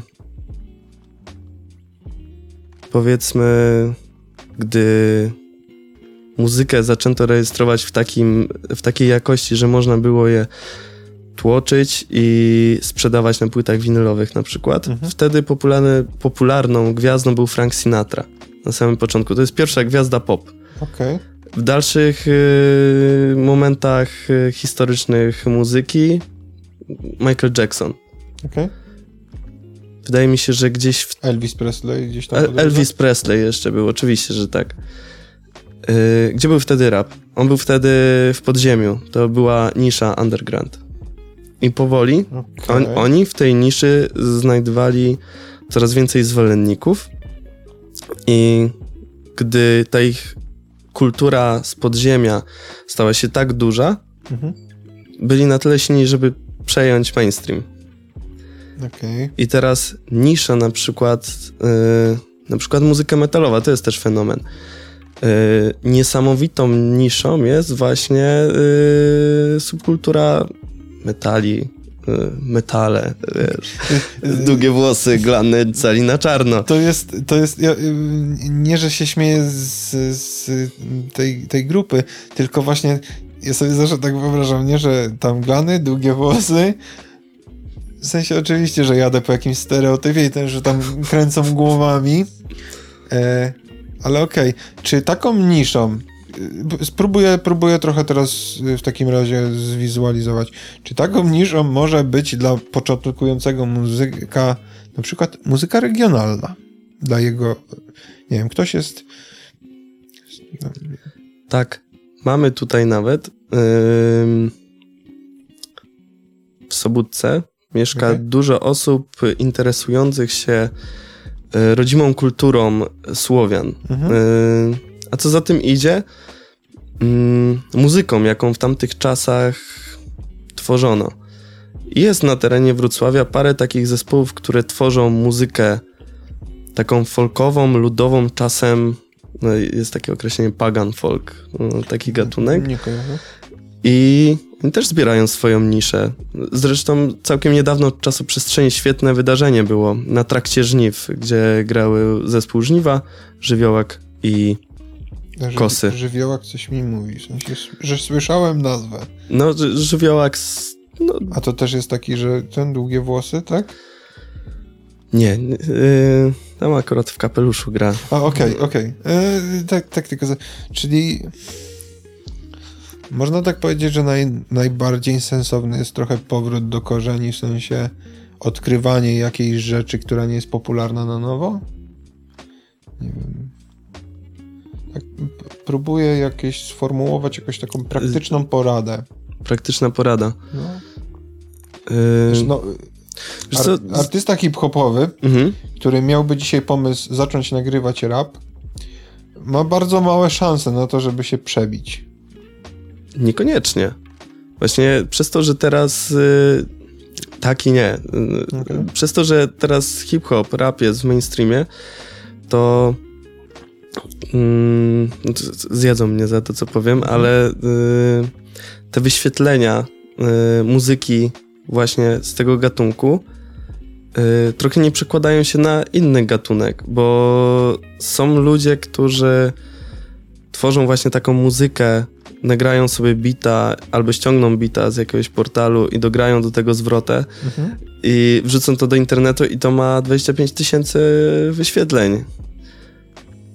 Mm, myślę, że to z tego powodu, że właśnie ta muzyka jest teraz na topie i ludzie chcą tego słuchać. Nawet jeżeli to nie jest znany artysta, to oni to słuchają, ludzie tego słuchają. Y, co więcej, mogą się pochwalić innym, że patrz, kogo znalazłem. Okej. Okay. Dobra. Zostawmy ten rap na boku trochę. Znaczy w sensie, e, ja sam jestem słuchaczem ale widzę takie swoje zacietrzewienie. Nie wiem, czy tak wszyscy słuchacze rapu mają. E, że, że to jest właśnie słuchanie jednej rzeczy. W sensie u mnie jest tam parę utworów takich innych. Nie wiem, no Sanach i i Don Góralesko to jest takie nieintuicyjne połączenie, nie? Ale, ale próbuję jakoś tam, ale dalej jestem jakoś zamknięty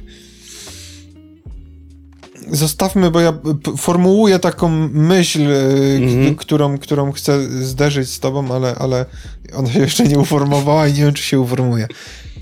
Czego Czego brakuje muzyce najbardziej teraz, w twojej opinii?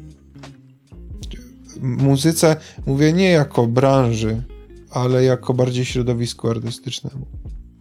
Czego brakuje wam, muzykom? Z czym jest największy kłopot? Mm, Co wam przeszkadza? Na piractwo chyba nie możecie narzekać. Możecie na Spotify. Na wiele można by rzeczy Okej. narzekać. A co jest takim kamykiem w bucie? Tańczące metafory.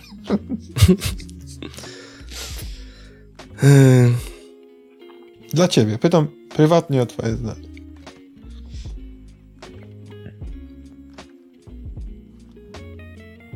bardzo dużo rzeczy mi przychodzi do głowy, ale yy, nie chciałbym narzekać, bo jakby to są naturalne rzeczy, z którymi trzeba się mierzyć w życiu. Ale jest jedna rzecz, która mnie denerwuje. Co cię Yy, denerwuje? denerwuje mnie, drogi Bartoszu, Mhm. to, że mm, są takie zespoły, Okej. które godzą się grać za piwko. Tym samym Okej. psując branżę. So, bo w ten sposób yy, na przykład taki bar, dlaczego ma płacić jakieś pieniądze y, muzykom, jeżeli wie, że są tacy, którzy zagrają tam za piwko albo za 50 zł na barze dla całego zespołu i mają y, czwartkowy wieczór załatwiony. W ogóle To jest powszechna praktyka? niestety tak, ale W sensie to jest taka tajemnica Poliszynela, że to jest, a, a się Wiesz co, to się już powoli zmienia, bo dużo osób y, na ten temat apeluje, y, żeby tak nie robić. No Bo to jest też branża, w której tak naprawdę nie wiesz, ile coś kosztuje. No, ciężko jest wycenić sztukę. Ciężko jest wycenić sztukę i teraz yy, w momencie właśnie, gdy zdarzają się takie sytuacje, o której przed chwilą powiedziałem, jest jeszcze trudniej negocjować te warunki umowy koncertowej. Okej.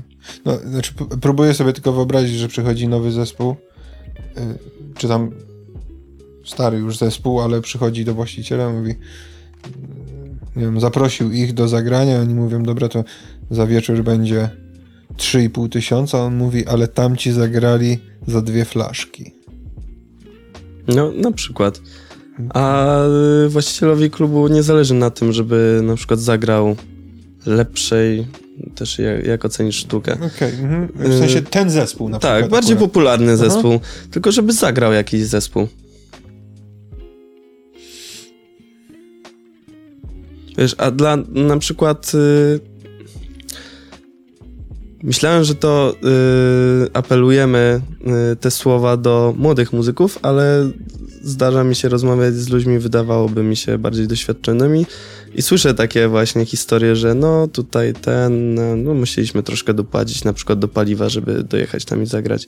No to mnie po prostu krew zalewa, bo y, wiesz, spędzasz długie godziny, żeby na początku szlifować umiejętności grania na instrumencie. Y, Musisz y, Pakować kupę pieniędzy w to. tak jest, instrumenty, wiesz, to jest też koszty eksploatacyjne typu struny, na przykład w gitarze. Mhm. Potem godziny na salkach, tworzenie. W końcu masz tą godzinę grania swojego materiału. I stary, grasz za piwko i jedziesz 100 km za Wrocław i musisz dopłacać za paliwo. Zdarzyło się, madam? Nie, pytam o konkretne miejsce, tylko czy zdarzyło wam się dokładać? Y, jeżeli nie wychodziliśmy na zero, to odmawialiśmy. Bo, bo zdarzały się takie miejsca, że na przykład bardzo chcieliśmy tam zagrać, bo było to dla nas dobre. Wzięliśmy inne zyski, Mhm. y, niematerialne, y, PR-owe na przykład. Okej. Mhm. Ale jeżeli mielibyśmy dokładać do grania, to zawsze było nie, chociaż czasem gula skakała, bo chcieliśmy tam zagrać, ale to po prostu musielibyśmy zapłacić za to, żeby tam zagrać, co jest rzeczą absurdalną. A to bardzo wielki ukłon, że potrafiliście odmawiać, nawet jeżeli wam zależało bardzo. Czyli to, to taka dosyć w sensie pragmatyczne podejście, że jeżeli nam się to nie wyzeruje, to dziękujemy. A mieliście tak, że ktoś was na przykład, nie wiem, wyśmiał, pogonił, albo coś takiego, na przykład z racji tego, że a tam tydzień temu był e, Krzysiek ze Sławkiem i oni nagrali na perkusji za dwa piwa. A w ten sposób, No, tak? w sensie, nas- że, mie- że mieliście jakąś taką, gdzie się zderzyliście ze ścianą taką... y, finansową. No. Że ktoś, E, nie wiem. To- ja, ja próbuję taką jakąś absurdalną tak, tak, to że wyśmiał cię was ktoś na przykład za to, że chcecie pieniądze za granie. Słuchaj, no oczywiście, że było i to mnóstwo takich sytuacji. Tylko, że to wszystko się odbywało na zasadzie telefonicznej, wiesz, że ktoś mówił pff. A my mówiliśmy pff. No i dobra, i dzwonimy dalej. Straszne to jest. W sensie to jest po raz kolejny takie... Z Łukaszem rozmawiałem od nas a propos też malowania. Mhm. Kurwa, tak niewdzięczne. No to jakby e, trochę w przypadku sprzętu, no bo ktoś może powiedzieć, a co ty tam, tam po, pobrzdękałeś sobie na gitarze, w sensie, ale jakby nie widać całego zaplecza. Łukasz mi uświadomił, "Wi- wiesz, ile farby kosztują? Nie wiem, tam 40 zł za tubkę, nie? A to masz farbę tam na 3 czy 2 obrazy, nie? I jest koniec i musisz Mhm. i nie kupujesz jednego koloru, nie? I mam takie. Kurwa, no. E, Zresztą jak patrzę, e, kiedyś tam patrzyłem, nie teraz, może być nieaktualne, ceny niektórych z instrumentów, abstrakcja tam, nie, nie, nie, gitara, ale jakiś tam puzon czy coś za kilkanaście tysięcy. To oczywiście dęte instrumenty Mhm. to, to, to jest kosmos, jeżeli chodzi o, o ceny. Gitary są względnie tanie, tak bym powiedział, bo Mhm. za 3000 zł można już kupić dobry instrument. Tylko, że nie zaopatrzysz wszystkich w gitary, nie? W sensie, chyba, że jesteście mariachi, no to, to tak. Proszę bardzo. E, ale e, nie no, to jakaś, e, nie wiem, tak, tak tylko domniemam, perkusja to też jest jakiś cholerny wydatek wielki, nie? No to też już są duże pieniądze. I też jest, no to wiesz, tak jak z tymi farbkami ci powiedział Łukasz, Mhm. no to naciągi. Każdy bęben z dwóch stron ma naciąg. Do, dobrej jakości naciąg, no to tam y, kosztuje ponad stówę, może więcej. Mhm. Y, komplet strun, y, teraz y, dobre struny, które trzymają świeżość 3 miesiące, 80 zł. Trzy miesiące, w sensie, że 3 miesiące grania. chcesz mi powiedzieć, że e, są takie struny, które kosztują 80 zł i one po trzech miesiącach tak w praktyce są do wywalenia, do wymiany. Ja myślałem, że to są takie jedne na 10 lat, nie? Okej, trzy miesiące to jest taki... I to są y, no, to sprawdzona marka, która najlepiej trzyma. Po trzech miesiącach takiego codziennego grania, no to już się nadają do śmieci. Okej. Y, ale jeżeli kupisz sobie takie struny za dwie dychy, to po tygodniu one już brzmią jak sznurki, a nie jak struny. Okej, okej. E, No wiesz, i tych kosztów jest mnóstwo z każdej strony. Nawet, nawet nie myślałem o tym, dopiero jak zacząłeś mówić o tych farbkach. To... Okej. Znaczy w sensie, bo to jest taka, wiesz, rzecz nieoczywista, nie? Nikt na to nie patrzy tak na dobrą sprawę i nikt nie zauważa tego, nie wiem, to jest te- tego Michała przykład, wizyta Michał, pozdrawiam, ufoniatry. W sensie, no dobra, no to jest jakaś tam wizyta, która kosztuje, nie wiem, pewnie dwie stówy, czy tam, no nie, nieważne, no ale to jest koszt dalej, nie? Ty wpakowałeś te pieniądze nie po to, żeby wyciągnąć te pieniądze, tylko po to, żeby y, zrobić coś dobrze albo sprawdzić, czy możesz w ogóle coś robić, nie? Ale nikt ci nie zwróci tych pieniędzy, nie przyjdzie na koncert i powie, proszę, to jest za wizytę u, u, u lekarza. 200 zł oddaję jako wierny fan. Znaczy fajnie by było. E, co z takimi rzeczami, jak na przykład, w sensie, czy, czy, czy w przypadku zespołów takie rzeczy. Przepraszam, że tak może nawiązuję. Nie, mówię, mówiłem, że nie będę zbyt dużo amanam, ale, ale pojawiają się takie pytania, e, które są dla mnie śmiertelnie ciekawe. Co z takimi rzeczami jak e, merch, nie wiem, koszulki? Mm, ale pytanie, W sensie, czy to... Czy to ma sens, czy to też jest... To ma bardzo duży sens i to jest y, właśnie między innymi dlatego też koncerty mają tak, Na miejscu można sprzedać? tak, na miejscu można sprzedać i to znaczy wymienić się za pieniądze. Aha, no wiadomo. No i to jest na przykład ciekawa kwestia. Y, Płyty CD. No. Y, Chyba niewdzięczny temat teraz. No właśnie niekoniecznie, Okej. bo tak naprawdę gdzie ludzie słuchają muzyki? No teraz masz Spotify, masz e, streamingi YouTube'a, no i tam słuchasz muzyki. Kto, w, kto w ogóle ma odtwarzać stary teraz CD? No, Ale okej, przepraszam, że wejdę ci słowo. Mhm. Ja mam parę takich płyt, które kupiłem, mhm. w tym jedną winylową, nigdy nie miałem odtwarzacza winylowego, ale mój jeden z ulubionych artystów wypuścił limitowaną edycję 100 y, moich ulubionych albumów na winylu. Kupiłem dwie. Tylko po to, żeby raz mieć, a dwa, żeby y, się jakoś mu odwdzięczyć. I właśnie do tego dążyłem. D- Trafiłeś dokładnie w to, co chciałem powiedzieć. Ludzie nie kupują tych płyt dlatego, że chcą mieć tą muzykę i słuchać tej płyty, tylko chcą cię wesprzeć. Teraz te, te płyty, na przykład epka taka, to jest forma promocyjna, y, wymiana. Ja ci daję to, ty mi dajesz coś innego. Tylko pytanie, czy. Okej, wiem, że wiem, że pewnie serwisy streamingowe czy YouTube troszeczkę zaszkodziły. Yy, Zastanawiam się, ile faktycznie to, żeby osiągnąć status tam platyny, złota, srebra, w Polsce to są jakieś śmieszne ilości, włączając to streamingi, bo teraz tak to się liczy, że możesz włączyć streamingi, odtworzone na YouTubie i coś tam jeszcze, ja nie wiem w jakiej skali, Mhm. ale w ogóle ilości platyna w Polsce, a platyna w Stanach Zjednoczonych to jest jakiś absurd i przestrzał Ziemia-Kosmos. I zastanawiam się, jak zespół wydaje płytę. Madame wypuściło. Nie, mini album. Mini album. Mm, Tam było sześć Tam- utworów. tam, gdzie było y, sześć świec, tak? To Nie, to był singiel. singiel. Okej, Mhm. przepraszam, przepraszam, pomyliłem. Y, tłoczyliście to? Eee, Czy to tylko mi, mini album tłoczyliśmy. Jeżeli to nie jest jakaś tajemnica, ile wam zeszło sztuk? Ym, wiesz co, zamówiliśmy chyba, teraz nie pamiętam, tysiąc albo dwa tysiące. Okej. Wszystko zeszło? Nie, mam w domu jeszcze karton, to tak z 200 zostało. Okej, to i tak całkiem sporo. Całkiem sporo. Także... mm, I to w czasach, kiedy już streaming był. Tak. Te, te, te, ten mini album... Yy, tak, jak się zaczęła pandemia, to akurat nam przyszły płyty. Pamiętam, że się śmialiśmy, że no to super, pandemia to sobie posprzedajemy, nie? Na Okej, koncertach. okej. E, Zastanawiałem się nad tym, wiesz, jak wchodzisz do takiego sklepu na E, Empik za to nie płaci. E, nie, wchodzisz do Empiku i widzisz Mm. półki uginające się pod ilością albumów. Zastanawiam się, ile faktycznie tych albumów schodzi. Ile osób, ile słuchaczy, jaka część słuchaczy ma takie. No przecież go se słucham na Spotify. A tak trochę przewrotnie zapytam, kiedy byłeś ostatnio w Empiku kupić płytę? Ostatnią, na początku tego roku, w ulicach luty, marzec. Mhm. I, Ale ja, ja, u mnie to jest bardzo wybiórcze. To jest w sensie bardzo wybiórcze.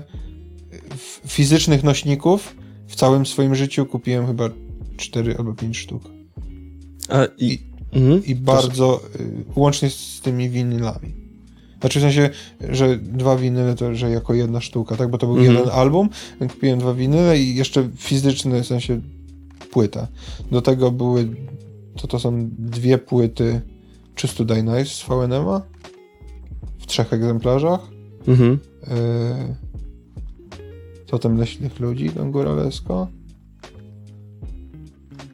El Polaco, też Don Góralesko. I zaraz sobie przypomnę, to, to, to ci powiem.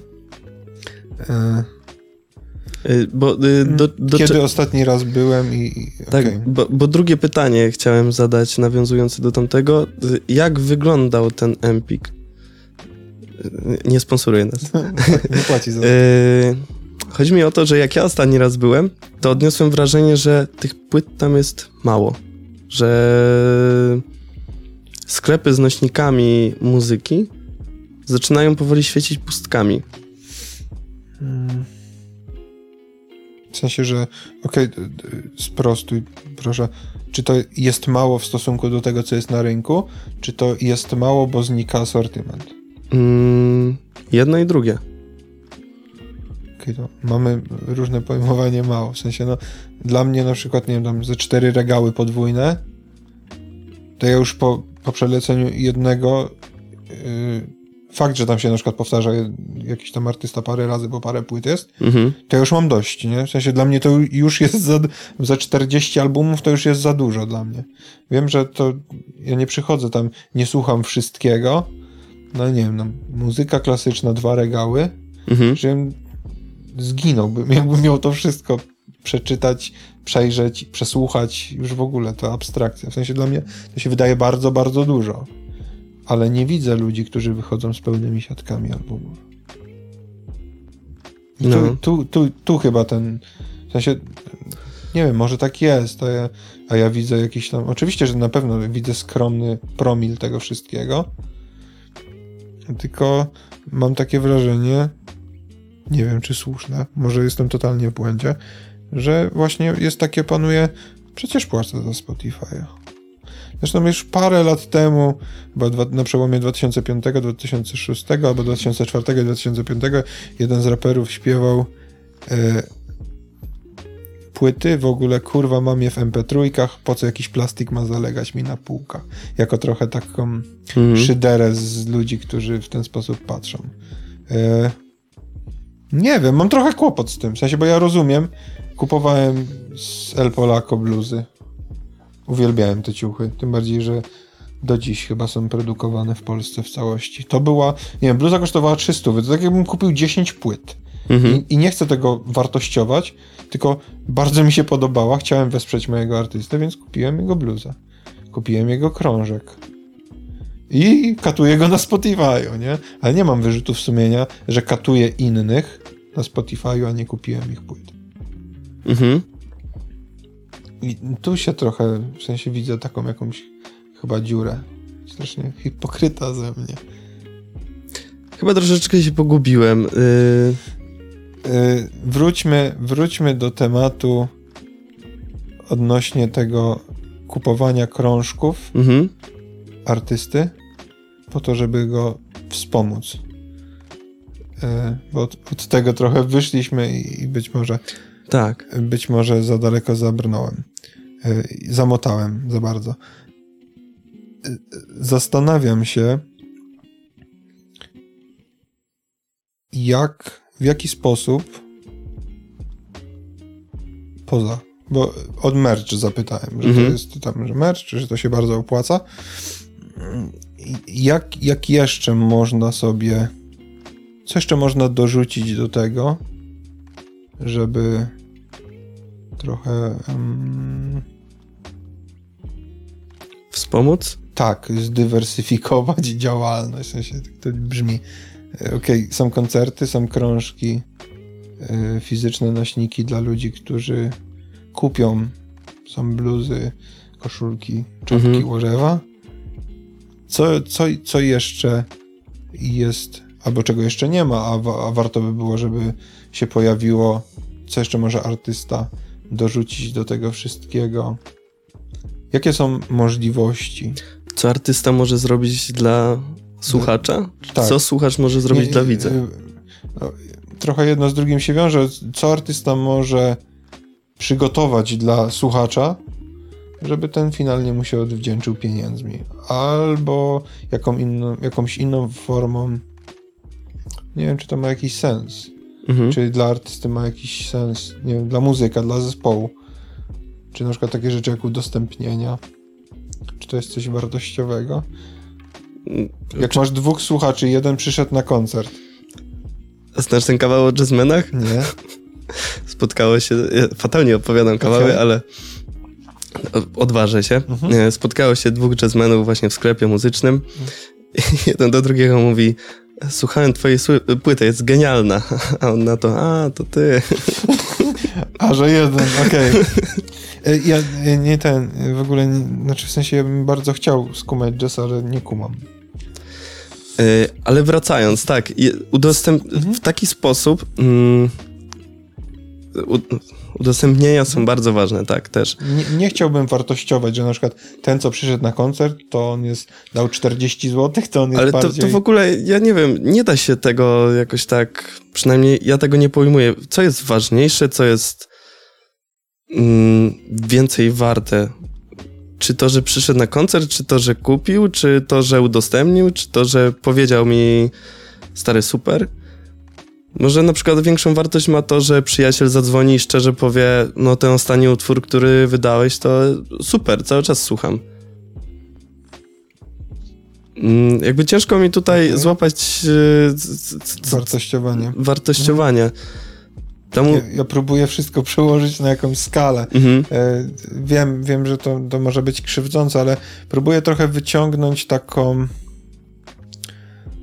może nie zmierzyć, ale tak sprawdzić, co artyści różnej maści właśnie jak patrzą na, na pewne rzeczy, jak patrzą na zwrot pewnych rzeczy i to też w konkretnym w, konkretny, w konkretnym celu, bo chciałem zapytać, jak ludzie mojego pokroju, takie szaraczki, są w stanie poza finansami pomóc młodym artystom. Co ja jako słuchacz Twój. Poza wydaniem pieniędzy na Twój nośnik, kupieniem Twojej koszulki, jeżeli masz, albo przyjściem na Twój koncert w piwnicy i zapłacenie za niego, yy, wymienienie wyjściówki na pieniądze, co mogę zrobić jeszcze? Że serio, jestem takim aktywnym, zaangażowanym słuchaczem. Y, co mogę zrobić dla artysty, żeby żyło mu się lepiej? Kurwa, nakręciłem, ale... Wiesz co, to, to wszystko, co powiedziałeś, y, przede wszystkim, to są jedne z ważniejszych rzeczy, ale najważniejsze to po prostu być. Jeżeli... Co jest ważne? To, że jeżeli to, co ja robię, tobie się podoba, mhm. to wtedy to ma sens. Bo jeżeli chcesz wesprzeć mnie, czy jakiegokolwiek y, innego muzyka, to bo jakby cenisz sobie taką inicjatywę, że ktoś coś tworzy, że ktoś mhm. w taki sposób podchodzi do świata i tak dalej. Y, wesprzyj go właśnie tym, że kupisz od niego płytę, przyjdziesz na koncert. Ale jeżeli naprawdę podoba ci się to, co ja robię, to wielką wartością jest to, że ty żyjesz tym razem ze mną. I o to chodzi właśnie w tej niszy na okay. przykład y, hip-hopowej albo metalowej. To chciałem jeszcze wcześniej powiedzieć, że nisza metalowa jest naprawdę y, bardzo silna, bo tam zespoły, które nie wykręcają wielkich y, liczb na streamingach, mhm. potrafią zrobić trasę po klubach po całej Polsce albo wjechać jeszcze czasem do Czech i na Niemcy mhm. i robić soldauty. I ty o tym nie wiesz, i ja o tym nie wiem, ale jak rozmawiałem y, ze znajomym, który jest menadżerem takich zespołów, mówi, że kurczę, no robimy i zawsze się znajdą ludzie, którzy słuchają tej muzyki, bo może na przykład nie przychodzą na zespół, tylko na to, że to jest metal. I oni słuchają metalu, okay. więc przychodzą... Czyli nie, mm. nie przychodzą nawet dla konkretnego artysty? czasem nawet nie, tylko że jest, dzisiaj wieczorem grają metalowa muza, idziemy, nie? Okej. Okay. Nie, bo to, to, mi trochę burzy taki, to co mówisz, trochę burzy mi taki wizerunek. Przepraszam. Mhm. Takiego artysty, co to my, artysty, muzyka, malarza, poety, kogokolwiek, który myśli, jak tu spieniężyć swoją. W sensie, ja celowo trochę takie świnie podkładam, bo, bo chciałbym się dowiedzieć, czy Wiesz, jeżeli, jeżeli e, młody człowiek z powiedzmy kilkonas, kilkunastoma latami doświadczenia grania na gitarze mówi, wiesz co tam, generalnie to jebać, żebyś kupował moją płytę, fajnie by było, jakbyś się dobrze z tym czuł, to to raczej dobrze świadczy niż źle o kimś, nie? I próbuję trochę, bo Łukasza też tak trochę pod włos brałem, Michała też, bo chciałem zobaczyć, ile jest prawdy w tym mówieniu o tym, że jestem artystą, robię rzeczy, żeby się podobały, żeby być blisko ludzi, a ile jest tam chłodnej kalkulacji takiej, bo to wiesz, wyjdzie, w sensie to, to wychodzi i to nie, nie na zasadzie jakiegoś testu, absolutnie nie, tylko no, te, te powody, y, powody są jakąś taką rzeczą, która, która dosyć szybko weryfikuje podejście ludzi, nie? I mimo tego, że mieliście sporo fanów na Facebooku, prawie 6 tysięcy, tak? Mhm. Jakoś tak. Zagraliście chyba. koncertów 200, wspomniałeś? Czy to 200 w ogóle karierowo? Nie, z, z Madame 96. Ma, 96 mhm. koncertów dla zespołu znikąd. W sensie nie odtwarzanego w TVP, y, nie latającego z milionowymi wyświetlami, wyświetleniami mhm. na YouTubie y, i miliardowymi wyświetleniami na Spotify'u. 96 roków, 5 lat działalności a tak naprawdę to w jakieś większość koncertów działa się na przestrzeni dwóch, trzech lat. Okej. Okay. Chciałem... To jest mniej więcej 20 koncertów rocznie. To znaczy, że plus minus dwa koncerty w miesiącu to jest strasznie dużo. W sensie, no widzisz, właśnie dla mnie, mhm. że dla, robiliście to, wszyscy robili po godzinach, w sensie jako drugi etat? Yy, tak. Okej. Okay. Mhm. No to zarezerwować dwa weekendy, czy tam dni w tygodniu, to jest dosyć sporo chyba i to domyślam się, że to wyczerpujące raczej doświadczenie taki koncert, w sensie mm, mm, nie wychodzisz na Wiesz pół co, godziny. Większe natężenie było zazwyczaj w trakcie sezonu. Sezon to jest y, okres od powiedzmy połowy maja do połowy września. A, letni. Tak. E, letni, mhm. tak. Wtedy najwięcej jest y, koncertów właśnie y, plenerowych, mhm. Y, festiwali. Ludziom chce się też na te koncerty bardziej chodzić, bo jest ciepło okay. i przyjemnie. Także to, to, to był ten okres takiego intensywnego grania, gdzie nie grało się mm, dwóch koncertów w miesiącu, tylko na przykład... Dziesięć. Na przykład. Okay. Mhm. Czego nie chcesz za bardzo narzekać na branżę muzyczną, to zapytam z drugiej strony. Czego ci brakuje w muzyce?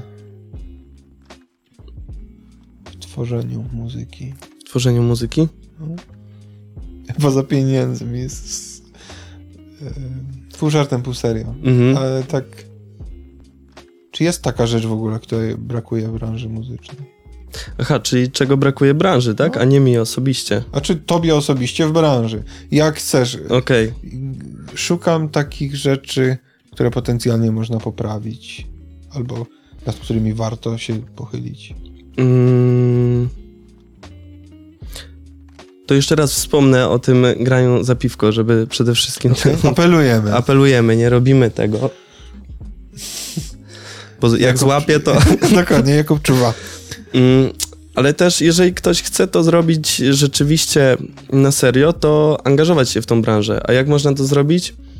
Mm, w tamtym roku były aż cztery showcase'y e, muzyczne. E, to jest takie miejsce, gdzie zjeżdża się branża muzyczna, wytwórnie, organizatorzy festiwali większych, mniejszych i Y, zespoły podczas takiego showcase'u mają możliwość zaprezentowania swojej muzyki branży muzycznej. Taki mam talent? Taki mam talent, tylko...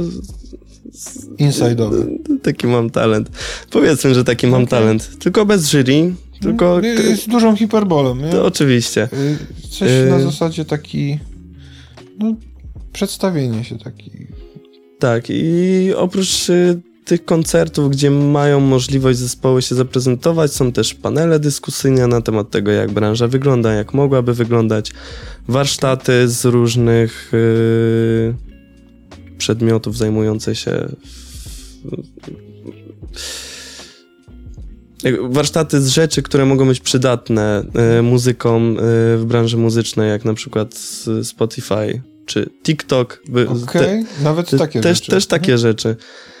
Yy, a przede wszystkim najważniejsze to jest poznawanie ludzi, którzy tworzą tą właśnie branżę, bo co to jest branża? No to są muzycy, to są wytwórnie, to są organizatorzy. To, to, tak najbardziej ogólnie mówiąc. No ale ludzie, nie sprzęt, nie miejsca. Tak. Okay. Mhm. Yy, czyli co, żeby jeździć nasze showcase? Tak, żeby jeździć, żeby poznawać się z ludźmi. Yy, No nie ma co ukrywać, to tak jak w każdej innej branży, im więcej ludzi znasz, tym jest ci łatwiej po prostu. Bo też y, na przykład, y, jeżeli znasz pewną osobę personalnie i wiesz, że ona, y, ona zna ciebie inaczej. Mhm. I to jest to samo, co mm, podobny przykład, jak do tego, o którym mówiłem, że do, na Akademię Muzyczną przyjmą tego, co ma 30 czy 22, ale Mhm. mają takie same umiejętności. No to tak samo, jeżeli są dwa zespoły, które mają podobną, są o podobnym stopniu rozpoznawalności, ale jeden z tych zespołów zna się z organizatorem osobiście, no to możesz dokończyć sobie sam. Okej. Wiesz co, ja, ja mm, tak, y, te, te różne absurdalne pytania biorą się stąd też, że ja mam taką wizję romantyczną takiego artysty, ni- niezależnie w której branży, że jak on jest dobry, to do niego ludzie walą drzwiami i oknami. Mhm. W sensie tak sobie to trochę nie chcę, nie chcę wymazać tego obrazu, że, że mam takie poczucie, że to jest trochę naturalna kolej rzeczy, że jak ktoś dobrze śpiewa, nie wiem, dobrze gra, dobrze maluje, to on nie zdechnie z głodu.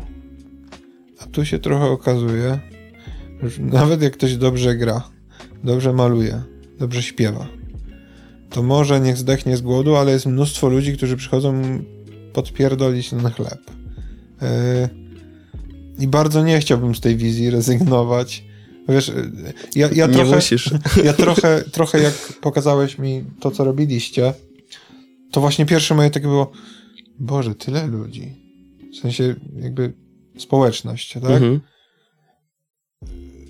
Fajne rzeczy, mimo że ja nie jestem z tego jakby nie mój klimat, to, to fajne rzeczy. O co tam chodzi? Dlaczego to nie, dlaczego oni nie zarabiają na tym na życie? Nie? W sensie było takie, wiesz, na, dla mnie naturalne połączenie kropek, że Mhm. robisz dużo, mówię, w mojej ocenie masz spore, spore jakby społeczność, wystarczy, że każdy by wam rzucił po 10 zł, to macie mnóstwo pieniędzy i takie, what the fuck, Dla, dlaczego? Gdzie tu się coś popsuło w tym równaniu? Mhm. E, Właśnie ta y, wizja romantyczna, ona miała y, rację. nie psuj mojego światopoglądu. Nie mów, mów, oczywiście. Miała rację. Y, no, generalnie jest tak, że wiesz, przychodzi łowca talentu, mówi to ty zostaniesz dzisiaj gwiazdą światowego formatu. Y, tak, poproszę. Y, no i...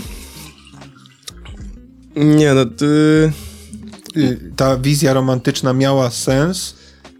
kiedyś, tak mi się wydaje, ale nie żyłem w tamtych czasach, więc moja wiedza jakby opiera się na biografiach, y, książkach i filmach, dokumentach. Mówisz o czasach sprzed internetu. Tak, o, o latach powiedzmy 60., 70., 80., nawet po Okej. części 90.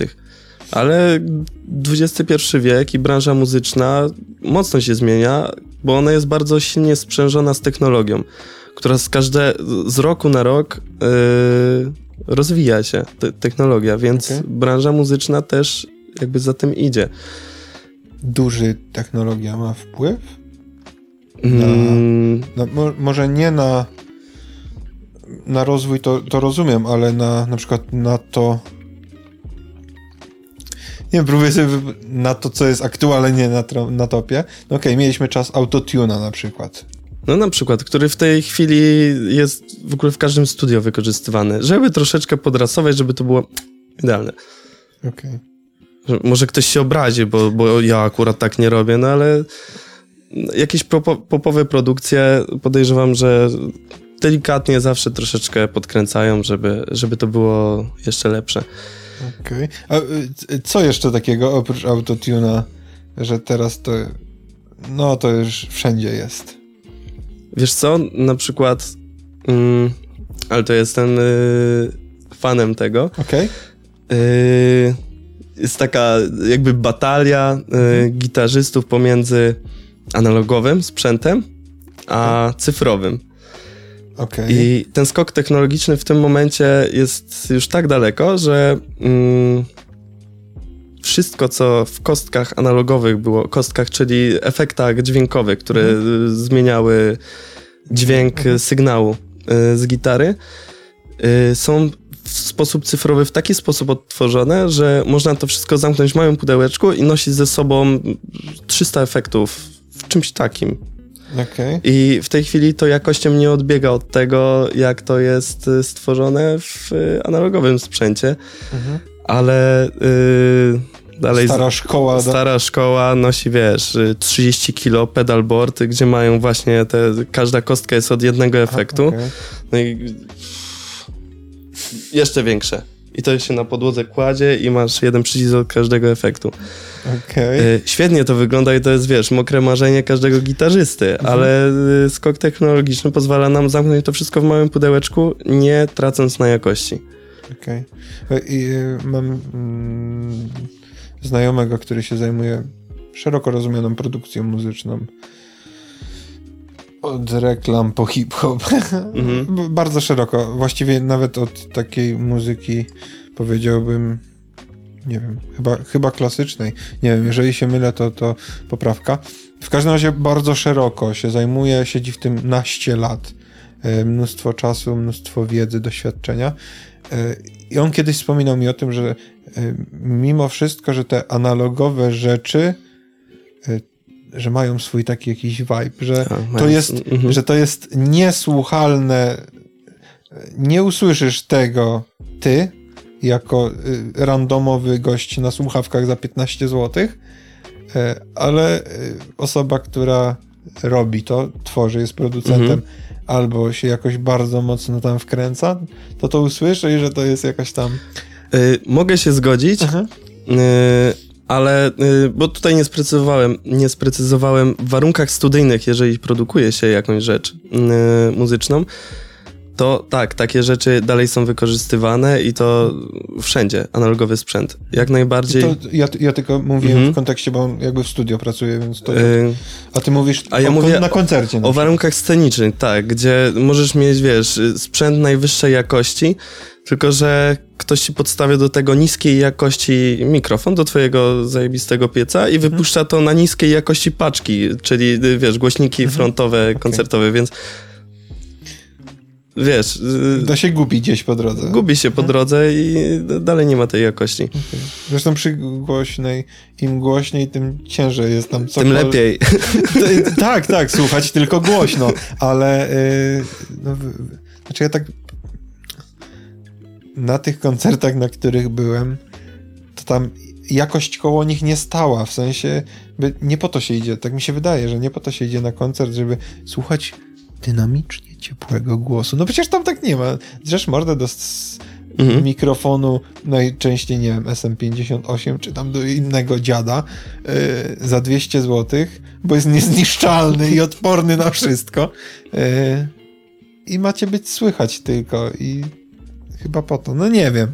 Ale to ciekawe, w sensie, czyli bitwa między cyfrowymi a analogowymi przetwornikami. A, to taki insight mocny. Okej, okay. jest coś jeszcze takiego? E, co, mm. Co weszło i nie chce wyjść, albo weszło i dobrze, że weszło? Wiesz co, no cała w ogóle produkcja domowa. Ludzie teraz y, tworzą domowe studia nagrań i y, no to jest niesamowity skok, żeby każdy, kto ma, nie wiem, tysiąc złotych, może sobie się zaopatrzyć w sprzęt, który pozwoli mu robić muzykę. Y, ja akurat y, się obrażam na to bardzo mocno, ale, ale tak gdzieś w środku czuję, że to jest, że wow, że każdy ma dostęp, że to jest na wyciągnięcie ręki, że to jest takie okej, okay, pewnie będzie więcej gówna, ale, ale in plus tak całościowo, że bo to jest może być szansa, być może szansa dla tych, dla których nie. Piotrka z jakiegoś pcimia dolnego, który nie ma możliwości pójścia do studia nagranowego. Pozdrawiamy Pcim, nie wiem nawet gdzie on leży. E, ale e, jakby rozumiesz przenośnie, że, że pojedzie sobie mm, tam, tak, albo, tak. Albo zamówi i... To jest okej, okay, no to jest, to jest super, nawet chyba też w kontekście tego, bo to też jest mm -hmm. domowe. Jest coś jeszcze takiego? Wiesz co, w ogóle całe nagrywanie, powiedzmy, nie, nie mam e, takiej wiedzy, kiedy pierwsze cyfrowe miksery zaczęły wchodzić, mhm. Ale to, to jest też... jeszcze raz, jeszcze raz. E, całe nagrywanie? Mm, właśnie y, analogowy na cyfrowy sprzęt, już też nie a propos gitarzystów, ale na przykład pracy w studio. Y, okay. Kiedyś, żeby y, nagrać zespół, o, oni nie wiedzieli tak naprawdę, powiedzmy w tych latach 60., co oni robią. Wie, y, wiesz, mieli mikrofon, który postawili do instrumentu, no i jest, nagrywa się, no i jak to zabrzmi, tak naprawdę nie wiedzieli, mieli tylko jedną szansę, bo mhm. taśma była też droga. Okay. Miks na żywo i szło do radia. A teraz wiesz, masz możliwość modulacji tego brzmienia. Wiesz, że jak postawisz mikrofon w taki sposób, to będziesz miał więcej góry, a jak tak, to więcej dołu. Mhm. I masz możliwość każdej ścieżki z osobna, zmiksowania, w, w postprodukcji. Mhm. Ale to jest chyba, przepraszam, czy bo to nie jest chyba jakiś taki olbrzymi przewrót, a raczej trochę chyba udoskonalanie, co nie? W sensie, że czy, czy mhm. to był faktycznie taki skok, że no okej, okay, taśma na cyfrę, to, to wiadomo, że to ten był przeskok, duży skok. Y, obniżenie kosztów i, i jakby y, możliwość y, produkcji, w sensie jakby zwiększone możliwości produkcyjne, ale teraz na przykład, nie wiem, te wszystkie wtyczki, mikrofony, przetworniki, to jest chyba, tak mi się wydaje przynajmniej, że to jest ulepszanie i że nie czeka nas jakaś rewolucja, że za chwilę wyjdzie, nie wiem, jakiś AI, który będzie tworzył muzykę. Nie wiem, czy już nie ma. Może jest, ale y, jest? Można się jeszcze spodziewać, w twojej opinii, jakiegoś takiego przewrotu? Mm, jestem w trakcie czytania książki 21 lekcji na XXI wiek. Harariego? Tak jest. I tam był taki rozdział, gdzie poruszał właśnie temat muzyki y, w kontekście sztucznej inteligencji. Myślę, że to może być. Yy... Producenci będą bezużyteczni. No, to, to jest duże zagrożenie, jeżeli chodzi o branżę muzyczną, bo w taki sposób, jak on to opisuje, jeżeli na podstawie Big Data będzie miał taki mm, program, miał stworzyć utwór, który ci się spodoba, to nie zrobi on tego gorzej. Nie zrobi nikt teoretycznie lepiej, lepiej niż tego niż ten komputer. Chociaż Ziomek mówił w kontekście, że to już było ze dwa lata temu, że jeżeli zamysł jest taki, że robimy banger, to są bardzo proste rzeczy i bardzo proste schematy. Wyjdzie byle kto, zaśpiewa byle co, ale jakby da się to poskładać w taki sposób, że to pójdzie i to 1000% będzie viral, bo się trzyma pewnych jakby, jak się trzymasz w pewnych kanonach, to, mhm. to istnieje bardzo duże prawdopodobieństwo, że się wstrzelisz i że to, że to zagra. E, ale no to, to, to jest ciekawe. Powiedzmy, jakby wyobrażę sobie przeanalizowanie, nie wiem, rzucam ostatnich 50 lat muzyki w różnych gatunkach milionów utworów i do tego jeszcze jakieś trendy związane ze słuchalnością, no to po przetworzeniu materiał na e, nie wiem 100 lat słuchania następnego będzie do wyprodukowania. To ciekawe. No, to jest ciekawy temat. A no, na pewno streaming to był też taki przełom. E, A, okej, okay, no. W sensie yy, platformy streamingowe. Ta, yy, tak. Yy, no, skąd one się w ogóle wzięły? Z tego, że jak się zaczął internet, to zaczęło się piractwo. Mhm. I Pirate Bay. Tak jest. No i takie platformy jak y, Spotify chyba jako pierwsza w ogóle, ale mogę się mhm. mylić. No, no bo mamy tam były jakieś polskie wrzuta, yy, MP3 teledyski info chyba, no były jakieś Tak, takie... ale one wszystkie działały na zasadzie pobierania, a nie odtwarzania muzyki. Ta, można było, ale to był taki ubogi, ułomny player. Ale y, mhm. tak, one się skupiały, skupiały się. Wszystko piraty były, y, ale tak, skupiały się na ściąganiu. No, chyba Spotify był taki. No i to była odpowiedź na piractwo, i w tym momencie. Yy, pozamiatali. Pozamiatali, no i wiesz, płyty. Już nikt nie pobije yy, rekordu sprzedaży płyt na świecie. Nie, nie wiem do do chyba Jacksona albo do Beatlesów należy rekord. U nas chyba nieoficjalnie Kazik Mm, trzeba by było sprawdzić. tak, chyba coś mi, że w ogóle i, i oficjal, i nieoficjal jest jego, bo tam te taśmy, co na bazarach poszły, to... A... E, ale, ale nie jestem pewien, mogę, mogę gadać durnoty. Ale to jest prawdopodobne. Hmm. E, czyli, czyli, czyli, no streaming, okej. Okay. Też wydaje mi się, że no bo to, to zawsze są dwie strony i wydaje mi się, że też popsuł wam w taki zarobkowy sposób też trochę. Że gdyby Spotify płacił uczciwie artystom, to chyba nie miałby sensu bytu. E, ale z jakiegoś powodu wszyscy na tego Spotify'a się pchają. Mhm. Wiem co, Apple Music jeszcze było. Nie wiem, czy to tam nie była jakaś walka któryś, e, któryś wcześniej, w sensie wtedy jeszcze iTunes. Nie wiem, czy tam nie było pierwszych zalążków streamingu. Ale też mogę gadać głupoty. Mhm. Bo pamiętam, że tam były jeszcze utwory na pojedyncze, na single tracki do kupienia. Ale mogę, mogę, mogę farmazonić coś. No, można sprawdzić. E, no, w sensie wydaje mi się, że trochę, trochę wam popsuł. Okej, okay, dostępność raz, ale artystom chyba bardziej zaszkodził niż pomógł. No właśnie, to, jest, y, to są ciekawe czasy, bo mamy ciekawe teraz bardzo duże możliwości, bardzo dużą konkurencję, co może przygnębić albo zmotywować do działania. No w takim założeniu, w takim założeniu, jeżeli się popatrzy realnie na to, co się dzieje, to odnoszę takie wrażenie, że jeżeli masz dwie osoby i obie, jeżeli masz 20 osób i one pracują równie ciężko, istnieje spore prawdopodobieństwo, że nikt z nich nie osiągnie żadnego sukcesu, bo bo nie ten czas, bo nie ten typ, bo nie... Mimo tego, że ciężko pracowali, mm. to to może być trochę przygnębiające. Albo, nie wiem, to, że e, zrobiłeś dobry utwór, on się nie klika. Jesteś z niego zadowolony, ale jak słusznie sam wcześniej zobaczyłeś, to się robi dla ludzi. Jakby nikt tego nie słuchał. Okej, okay, pewnie jakaś część rzeczy idzie do szuflady dla jakiejś tam zajawki, no ale nie wszystko. Hmm. No nie wiem, tutaj mam jakiś taki duży znak zapytania w kontekście tego, tego tworzenia, bo e, ja osobiście mam taki odbiór, w tym, w, tym, w tym przypadku mam taki odbiór, że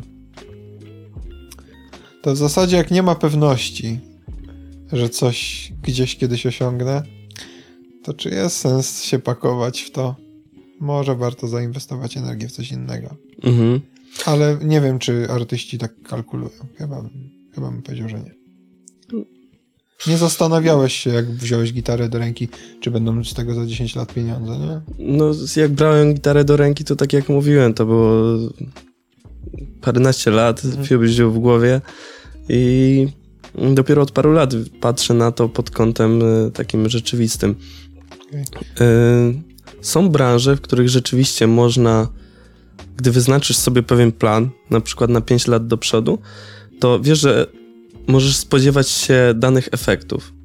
Mm. Z dużym prawdopodobieństwem. Tak. Mhm. Y tutaj. Muzyka chyba nie jest taką branżą. Tak, i to jest właśnie coś, co jest z jednej strony mm, dołujące, a z mhm. drugiej strony podniecające, bo jest y, ten taki element może trochę szczęścia. Że może się przyfarcić, mhm. że jest bardzo duża szansa, że jak już trafisz, to rozbijasz bank, ale też dużo osób gra i. Tak. Okay. Że możesz wypuścić jeden kawałek i mieć hit, a możesz 10 lat nagrywać i mieć 100 słuchaczy cały czas. To też chyba jest dobre. Zależy kto w co celuje. Są jeszcze dwie takie bardzo, e, trochę zmierzając do, do końca, bo rozgadaliśmy się, chciał zostawić jeszcze trochę tematów na następne zapraszanie cię. E, dwie takie rzeczy, e, dwie takie rzeczy ważne, wydaje mi się, które e, jeszcze chciałbym, o które chciałbym zapytać. Pierwsza, jak, kto jest, jak ktoś jest ignorantem muzycznym, słucha jednego kawałka w kółko i są to manieczki Ekwador i chciałby zacząć przygodę z muzyką, czego oprócz twoich utworów, czego jak, jak wejść w świat muzyki? To takie okej, okay, można powiedzieć, o to wielkie halo, tam słuchać randomowych rzeczy z playlist. No dobra, a, a gdyby ktoś chciał tak na poważnie? Mhm rzetelnie. Nie wiem, czy to w ogóle tak jest, nie wiem, czy to się da. I nie wiem, czy to nie jest durne pytanie. Yy, na pewno jest trudne i postaram się na nie odpowiedzieć. Mhm. Warto się rozejrzeć dookoła siebie, czy na przykład w miejscowości, w której mieszkam, jeżeli jest ona mniejsza, czy są jacyś ludzie związani z muzyką? Mm, jeżeli tak, to zapytać mm, ich, jak to zrobić fizycznie, jaka była ich droga do tego, że teraz tym się zajmują. Mhm. Mm, druga rzecz, jeździć na przykład na showcase'y, żeby... A, czyli tam nie tylko ludzie z branży, w sensie mo mogę jako nie muzyk przyjechać tam? Tak, możesz. A, to, okay. to, to, jest spotkanie otwarte, tylko mhm. raczej przyjeżdżają tam ludzie, którzy są, za, no jeżeli chciałby wejść w tą branżę, no to proszę bardzo, może przyjechać i, i zobaczyć, porozmawiać z ludźmi. Okej. Okay. Y i chodzić na koncerty. Nawet nie swoje. Nie swoje. Okej. Okay. I nie moje. Ale je, jeżeli mógłbyś rozwinąć, czy to chodzi o jakieś osłuchiwanie się, czy to chodzi o poznawanie ludzi? Czy w mm. ogóle jeszcze coś innego? Bo Myślę, że poznawanie w ogóle o co w tym wszystkim chodzi, bo pytanie było, jeżeli chciałby się w to wgryźć i mhm. zrobić to na poważnie, no to coś na zasadzie, mm, jak powiedziałeś wcześniej, zanim bym zaczął grać na gitarze, to bym pożyczył od kogoś i zobaczył, czy mi się to podoba. Okay. Więc jeżeli chcesz to zrobić na poważnie, ale nie jesteś zdecydowany, to musisz jakoś w ogóle sprawdzić, czy to jest dla ciebie i czy no właśnie, czy to ci będzie odpowiadać? I to są sposoby, w które możesz to poznać. Nie wydając jakoś y, olbrzymią, olbrzymiej ilości pieniędzy. A przy okazji dobrze się bawiąc. Okej. Okay. Kupuję to. Y, kupuję to. Nawet chyba byłbym za tym, żeby nie kupować na początek sprzętu. Tylko na przykład ile godzina w studiu teraz kosztuje 50 zł, jeżeli ktoś w jakimś większym mieście? No, z realizatorem? Powiedzmy, że stówkę. Okej, okay, to. Be, bez realizatora. Bez realizatora. To ile? Dwie stówy z realizatorem? 250? Yy, wiesz, w tej branży tak samo jak z koncertami, tak samo ze studiami. Yy, jak Ale... ktoś chce ci tyle zapłacić, to tyle ci zapłaci. No. Jakby ciężko taką stawkę Bar, ogólną. Okej, okay, bardziej patrzyłem pod kątem takim, że to zawsze jest mniejsze obciążenie finansowe niż kupowanie sprzętu. Który być może będzie zalegał w szufladzie, nie? Żeby pójść zobaczyć. Takie studio? Znaczy, no, przyjście do studia. Znaczy, nie wiem, tak sobie wyobrażam, że gdybym miał wydać na przykład 2000 na sprzęt, ale, ale tak w ciemno, że mhm. nic nie nagrałem, nie miałem do czynienia z mikrofonem, to chyba wolałbym pójść do studia na 2-3 godziny i zobaczyć, jak tam się w ogóle będę czuł z profesjonalistą. Okej, okay. są. Można spróbować, jak najbardziej. Tylko, że jeżeli pójdziesz do takiego studia, zamiast yy, kupić sobie sprzęt, to masz tą szansę tylko raz. A jeżeli masz sprzęt, to możesz yy, jakby udoskonalać swoje umiejętności, na przykład w dziedzinie nagrywania. Możesz sam realizować sobie nagrywki, twojej gitary. Okej, okay, dobra, wycofuję się rakiem z tego. Znaczy w sensie, no, no okej, okay, kupuję, przekonałeś się. E, no, bo to nie jest, gdyby to 10 tysięcy, to może jeszcze, mhm. jeszcze byłoby jakaś, jakaś sensowna, sensowna różnica. Pytanie, które się pojawia zawsze. Jeżeli rzetelnie obejrzałeś którykolwiek z materiałów, to będziesz wiedział, o jakie chodzi. Najlepiej wydane 100 złotych w życiu? Yy, tak, spodziewałem się tego pytania. Okay. Chociaż wydawało mi się, że będzie ono brzmiało na co wydałbyś 100 zł? Nie, nie, naj, najlepiej wydane najlepiej 100 zł wydane. w myśl takiej wiem, że to się powtarza, ale y, każdy, każdy, każdy, każdy gość jest inny. W myśl takiej, że jeżeli ktoś to ogląda, istnieje spore prawdopodobieństwo, że będzie kiedyś miał 100 zł w portfelu i zamiast wydać je na jakąś durnotę, to może wydać ją na rzecz zaproponowaną przez moich rozmówców. Okej. Okay. I jak wyobrażasz sobie jakieś któreś swoje 100 zł wydane, to myślisz, zrobiłbym to jeszcze raz, bo to było warte tych pieniędzy. Albo kupiłbym to jeszcze raz, bo to było warte tych pieniędzy. Nie musi być stuwa, może być 5 zł, ale nie więcej niż 100 zł. Mm. Rozpuszczalnik. Glany. Y, nie, przepraszam. Yy, wiesz co, myślałem o tym pytaniu, yy, zanim tutaj przyszedłem, ale w pewnym momencie stwierdziłem, że pomyślę o tym za chwilę i nie przemyślałem tego. I teraz się będę głowił. A co ci przychodzi pierwsze do głowy? Struny. Ale to jest takie totalnie... Mm, Okej, okay, jak, jak, jakby proste bardzo. Chciałbym się jakoś lepiej wypowiedzieć. Ale... Okej, okay, y, sekundka, bo to, że struny, mhm. być może jest to proste, tak jak powiedziałeś, yy, nie wiem, ale to mówi sporo. Po pierwsze mówi to, że to jest 100 zł wydane na swoją zajawkę. Mhm. Po drugie, że to jest 100 zł wydane na siebie. I jakaś inwestycja w siebie. Chyba, że za, za daleko. Nie, myślę, że tak. Tutaj zgodzę się z tym, co powiedziałeś. Chyba, że masz coś innego w głowie. Wiesz co, kołaczą mi cały czas w głowie te struny. Ten moment, każdy gitarzysta wie, jak zmienisz świe na świeże struny, nastroisz je, wszystko już mhm. jest ustawione i grasz jakiś akord. I to wszystko tak brzmi, wiesz, świeże struny, świeże brzmienie, no. A to jest, w sensie, no mówię to z racji mojego ignorancji, to faktycznie jest tak duży przeskok używane anówki, tak jest. I to nawet laik randomowy usłyszy tą różnicę? Myślę, Pod że warunkiem, tak. że nie ma, mos- nie ma wosku w uszach. Pod warunkiem.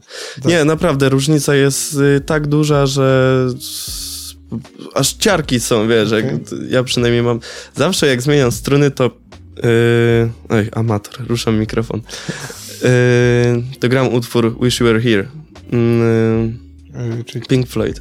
Pink Floyd. Tak, yy, gram ten motyw i mam, wow, ależ to brzmi. Muszę kiedyś, yy, może będę miał okazję być przy wymianie strun. Yy, chętnie, chętnie posłucham, jaka to, jaka to jest różnica. Okej, okay, czyli wydane na siebie swoją zajawkę, jakaś tam inwestycja w siebie. Okay, struny. Jak macie gitarę, to struny. Czy jest coś, czego nie poruszyliśmy, albo yy, gdzieś nie zajrzeliśmy podczas tej naszej rozmowy, a uważasz, że warto by było jeszcze to dodać? Mm. W kontekście takim, czy ja jako słaby redaktor nie poruszyłem jakiegoś aspektu, który chciałbyś poruszyć? Poza zarobkami muzyków. Wiemy wszyscy, że słabo zarabiacie i nie jesteście w stanie się utrzymać. Wiesz co, jest wiele tematów, które moglibyśmy chyba poruszyć i bardzo się z tego cieszę, bo jest y, przestrzeń na y, kolejną rozmowę. Y, ale o czym dzisiaj moglibyśmy jeszcze porozmawiać? Mm. Przychodzi mi do głowy autopromocja. Okej. Okay. W sensie... Mógłbym opowiedzieć, o co teraz robię. Oczywiście, jak najbardziej.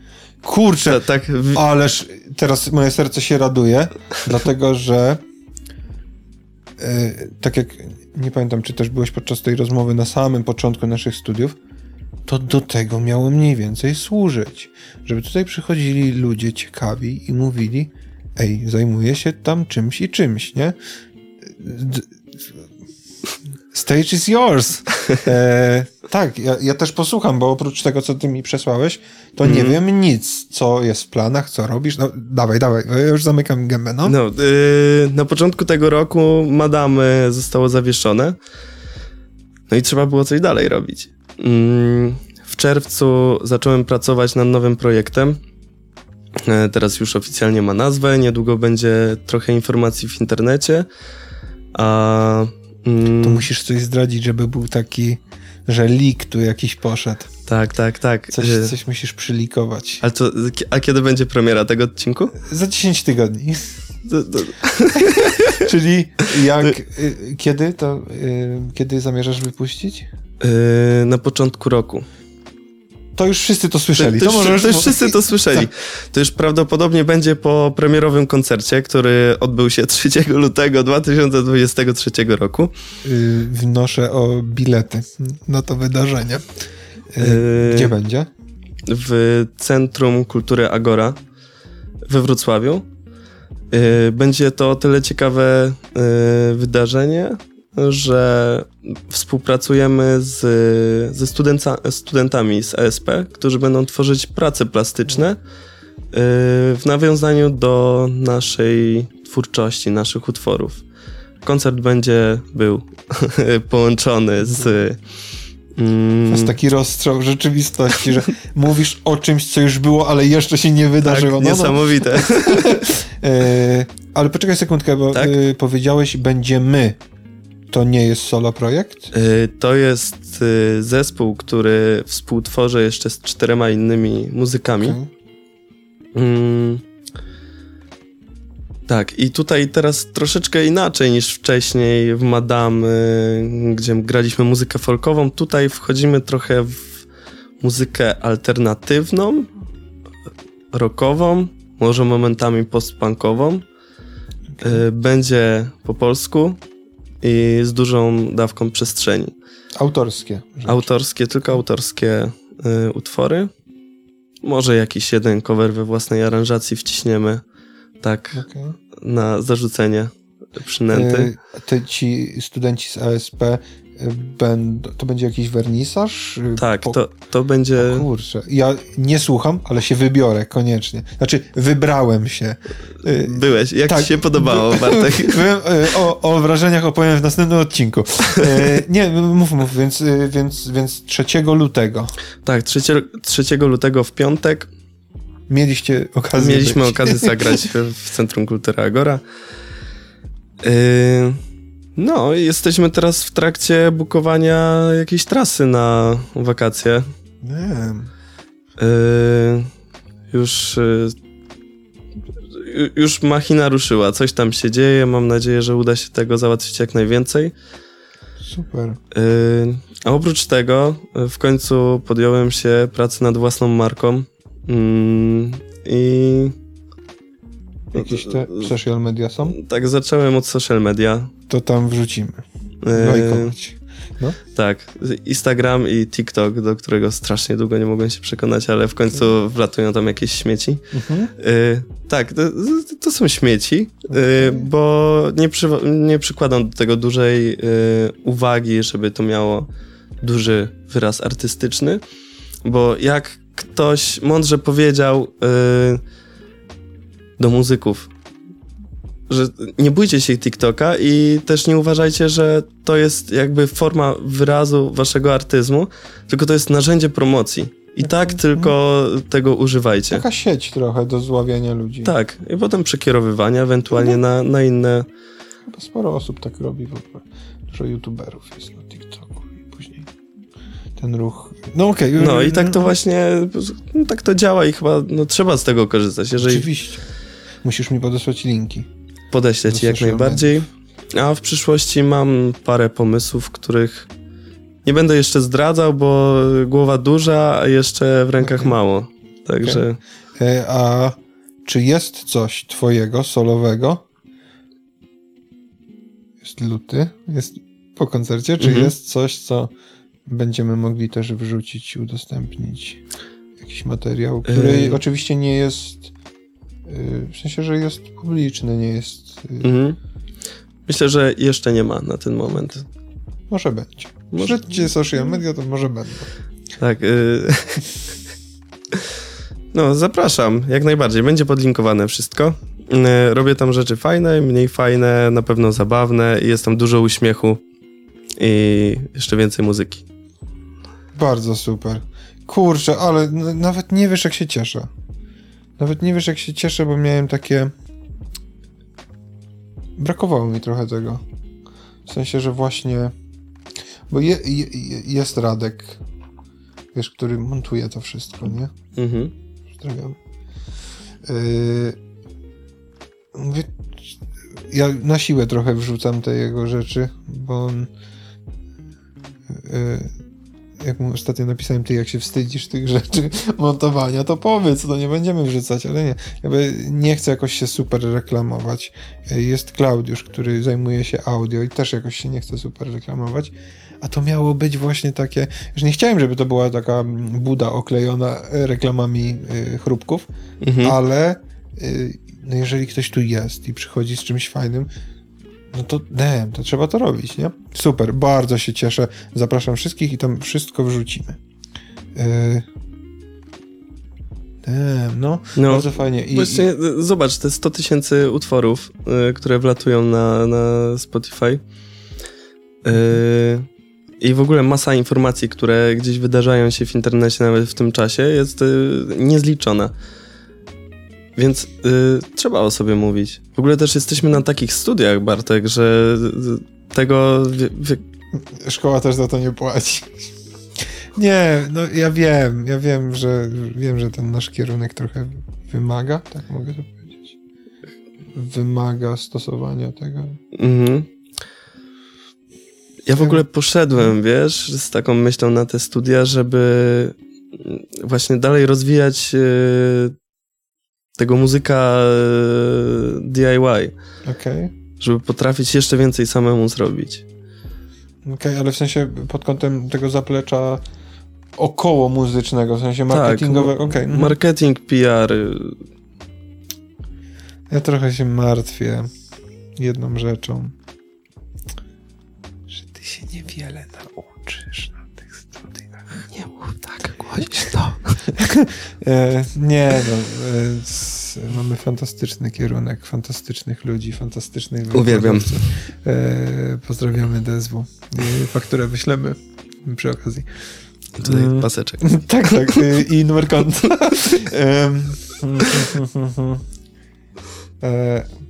Kurczę. Wiem, jeszcze jedna rzecz. Utrzymujecie kontakt z madam? Tak. Znaczy, w sensie, ba- bardzo krótko. y, ale- tak, y, bo powiedziałem, że nie będę pytał jakby o, Mhm. tam, o zaplecze, ale ciekawiło mnie, czy niezależnie od powodów, czy jak każdy poszedł trochę w swoją stronę i robi swoje rzeczy, to czy was to nie podzieliło jako ludzi, nie? E, nie, i to szczerze mówię, mamy bardzo dobry kontakt i e, różne osoby w różne strony poszły, ale dalej się wspieramy, mm, choćby właśnie w social media, e, albo personalnie do mnie e, dzwonią, albo ja dzwonię do moich kolegów, koleżanek z zespołu, że super rzecz zrobiłaś na przykład i porozmawiać przy okazji, co, co u ciebie słychać. Fajnie, bo to y, ostatnio rozmawiałem ze swoim znajomą w kontekście pracowania, w sensie, że, y, że jak odchodzisz z jakiejś firmy na przykład, to najczęściej jest taka, aha, będziemy się trzymać na Facebooku, musimy wyskoczyć na jakieś piwo. Tak trochę tak jak nielubiany znajomy ze szkoły, nie? Mhm. I to się wyciera, wyciera, wyciera, wyciera i za jakiś czas zostajecie tylko znajomymi na Facebooku, na LinkedInie. Jak się zobaczycie w Biedronce, to sobie albo pokazujecie cześć i hehe, musimy się umówić na piwo, albo spuszczacie głowę i udajecie, że się nie widzicie. A to jest taki przykład i mówię tu w kontekście, że jak w pracy, znaczy tam w, w pracy takiej, no jak jesteś z ludźmi i odchodzisz, to tam zazwyczaj spędzacie jakąś część swojego cho- życia. Cholernie dużo, bo no, nie pracuje się poza pojedynczymi wyjątkami tydzień. Zazwyczaj to są dłuższe okresy Mhm. i zżywiasz, zżywasz się z tymi ludźmi i to jest jakby nie patrzeć kawałek twojego cholernego życia. Absolutnie. Wiesz, my przez ten czas byliśmy praktycznie codziennie ze sobą. Jeżeli nie fizycznie, to na Messengerze albo przez telefon. Cały czas coś się działo, cały czas y, byli ci ludzie w moim życiu. Okej. Więc nie da się ich tak po prostu teraz odstawić, bo to już było prawie jak rodzina. Super, to miło bardzo, yy, że, że to się nie zatarło. Mam nadzieję, że się nie zatrze w ramach rozwijania każdej z osobnych karier. Mm, Jakub. Jakub, Jakubie. Do ja. Kubo. Y, bardzo Ci dziękuję za dzisiejszą rozmowę. Było mi niezmiernie miło. Y, I nie mam, nie lukruję Ci, nie mam powodów. Y, na pewno będę chciał Cię jeszcze zaprosić i porozmawiać dalej o ściekach branży muzycznej i o twórczości szeroko rozumianej. Zapewne już po koncercie, na który mam zamiar się wybrać. Na którym byłem, przepraszam. Widziałem tam w pierwszym rzędzie. Tak, na, na którym byłem. E... Dziękuję Ci ślicznie. Do następnego razu. Dziękuję Ci również. Dla mnie to też była czysta przyjemność i... I tam wpadajcie i lajkujcie. Instagrama. Tak jest i... I TikToka. Wszystko. Szukajcie i, i obserwujcie i cieszcie się I, tym, co jest. I kupujcie alternatywne polskie płyty. Albo płaczcie muzyką. Dzięki śliczne. Dzięki Bartek.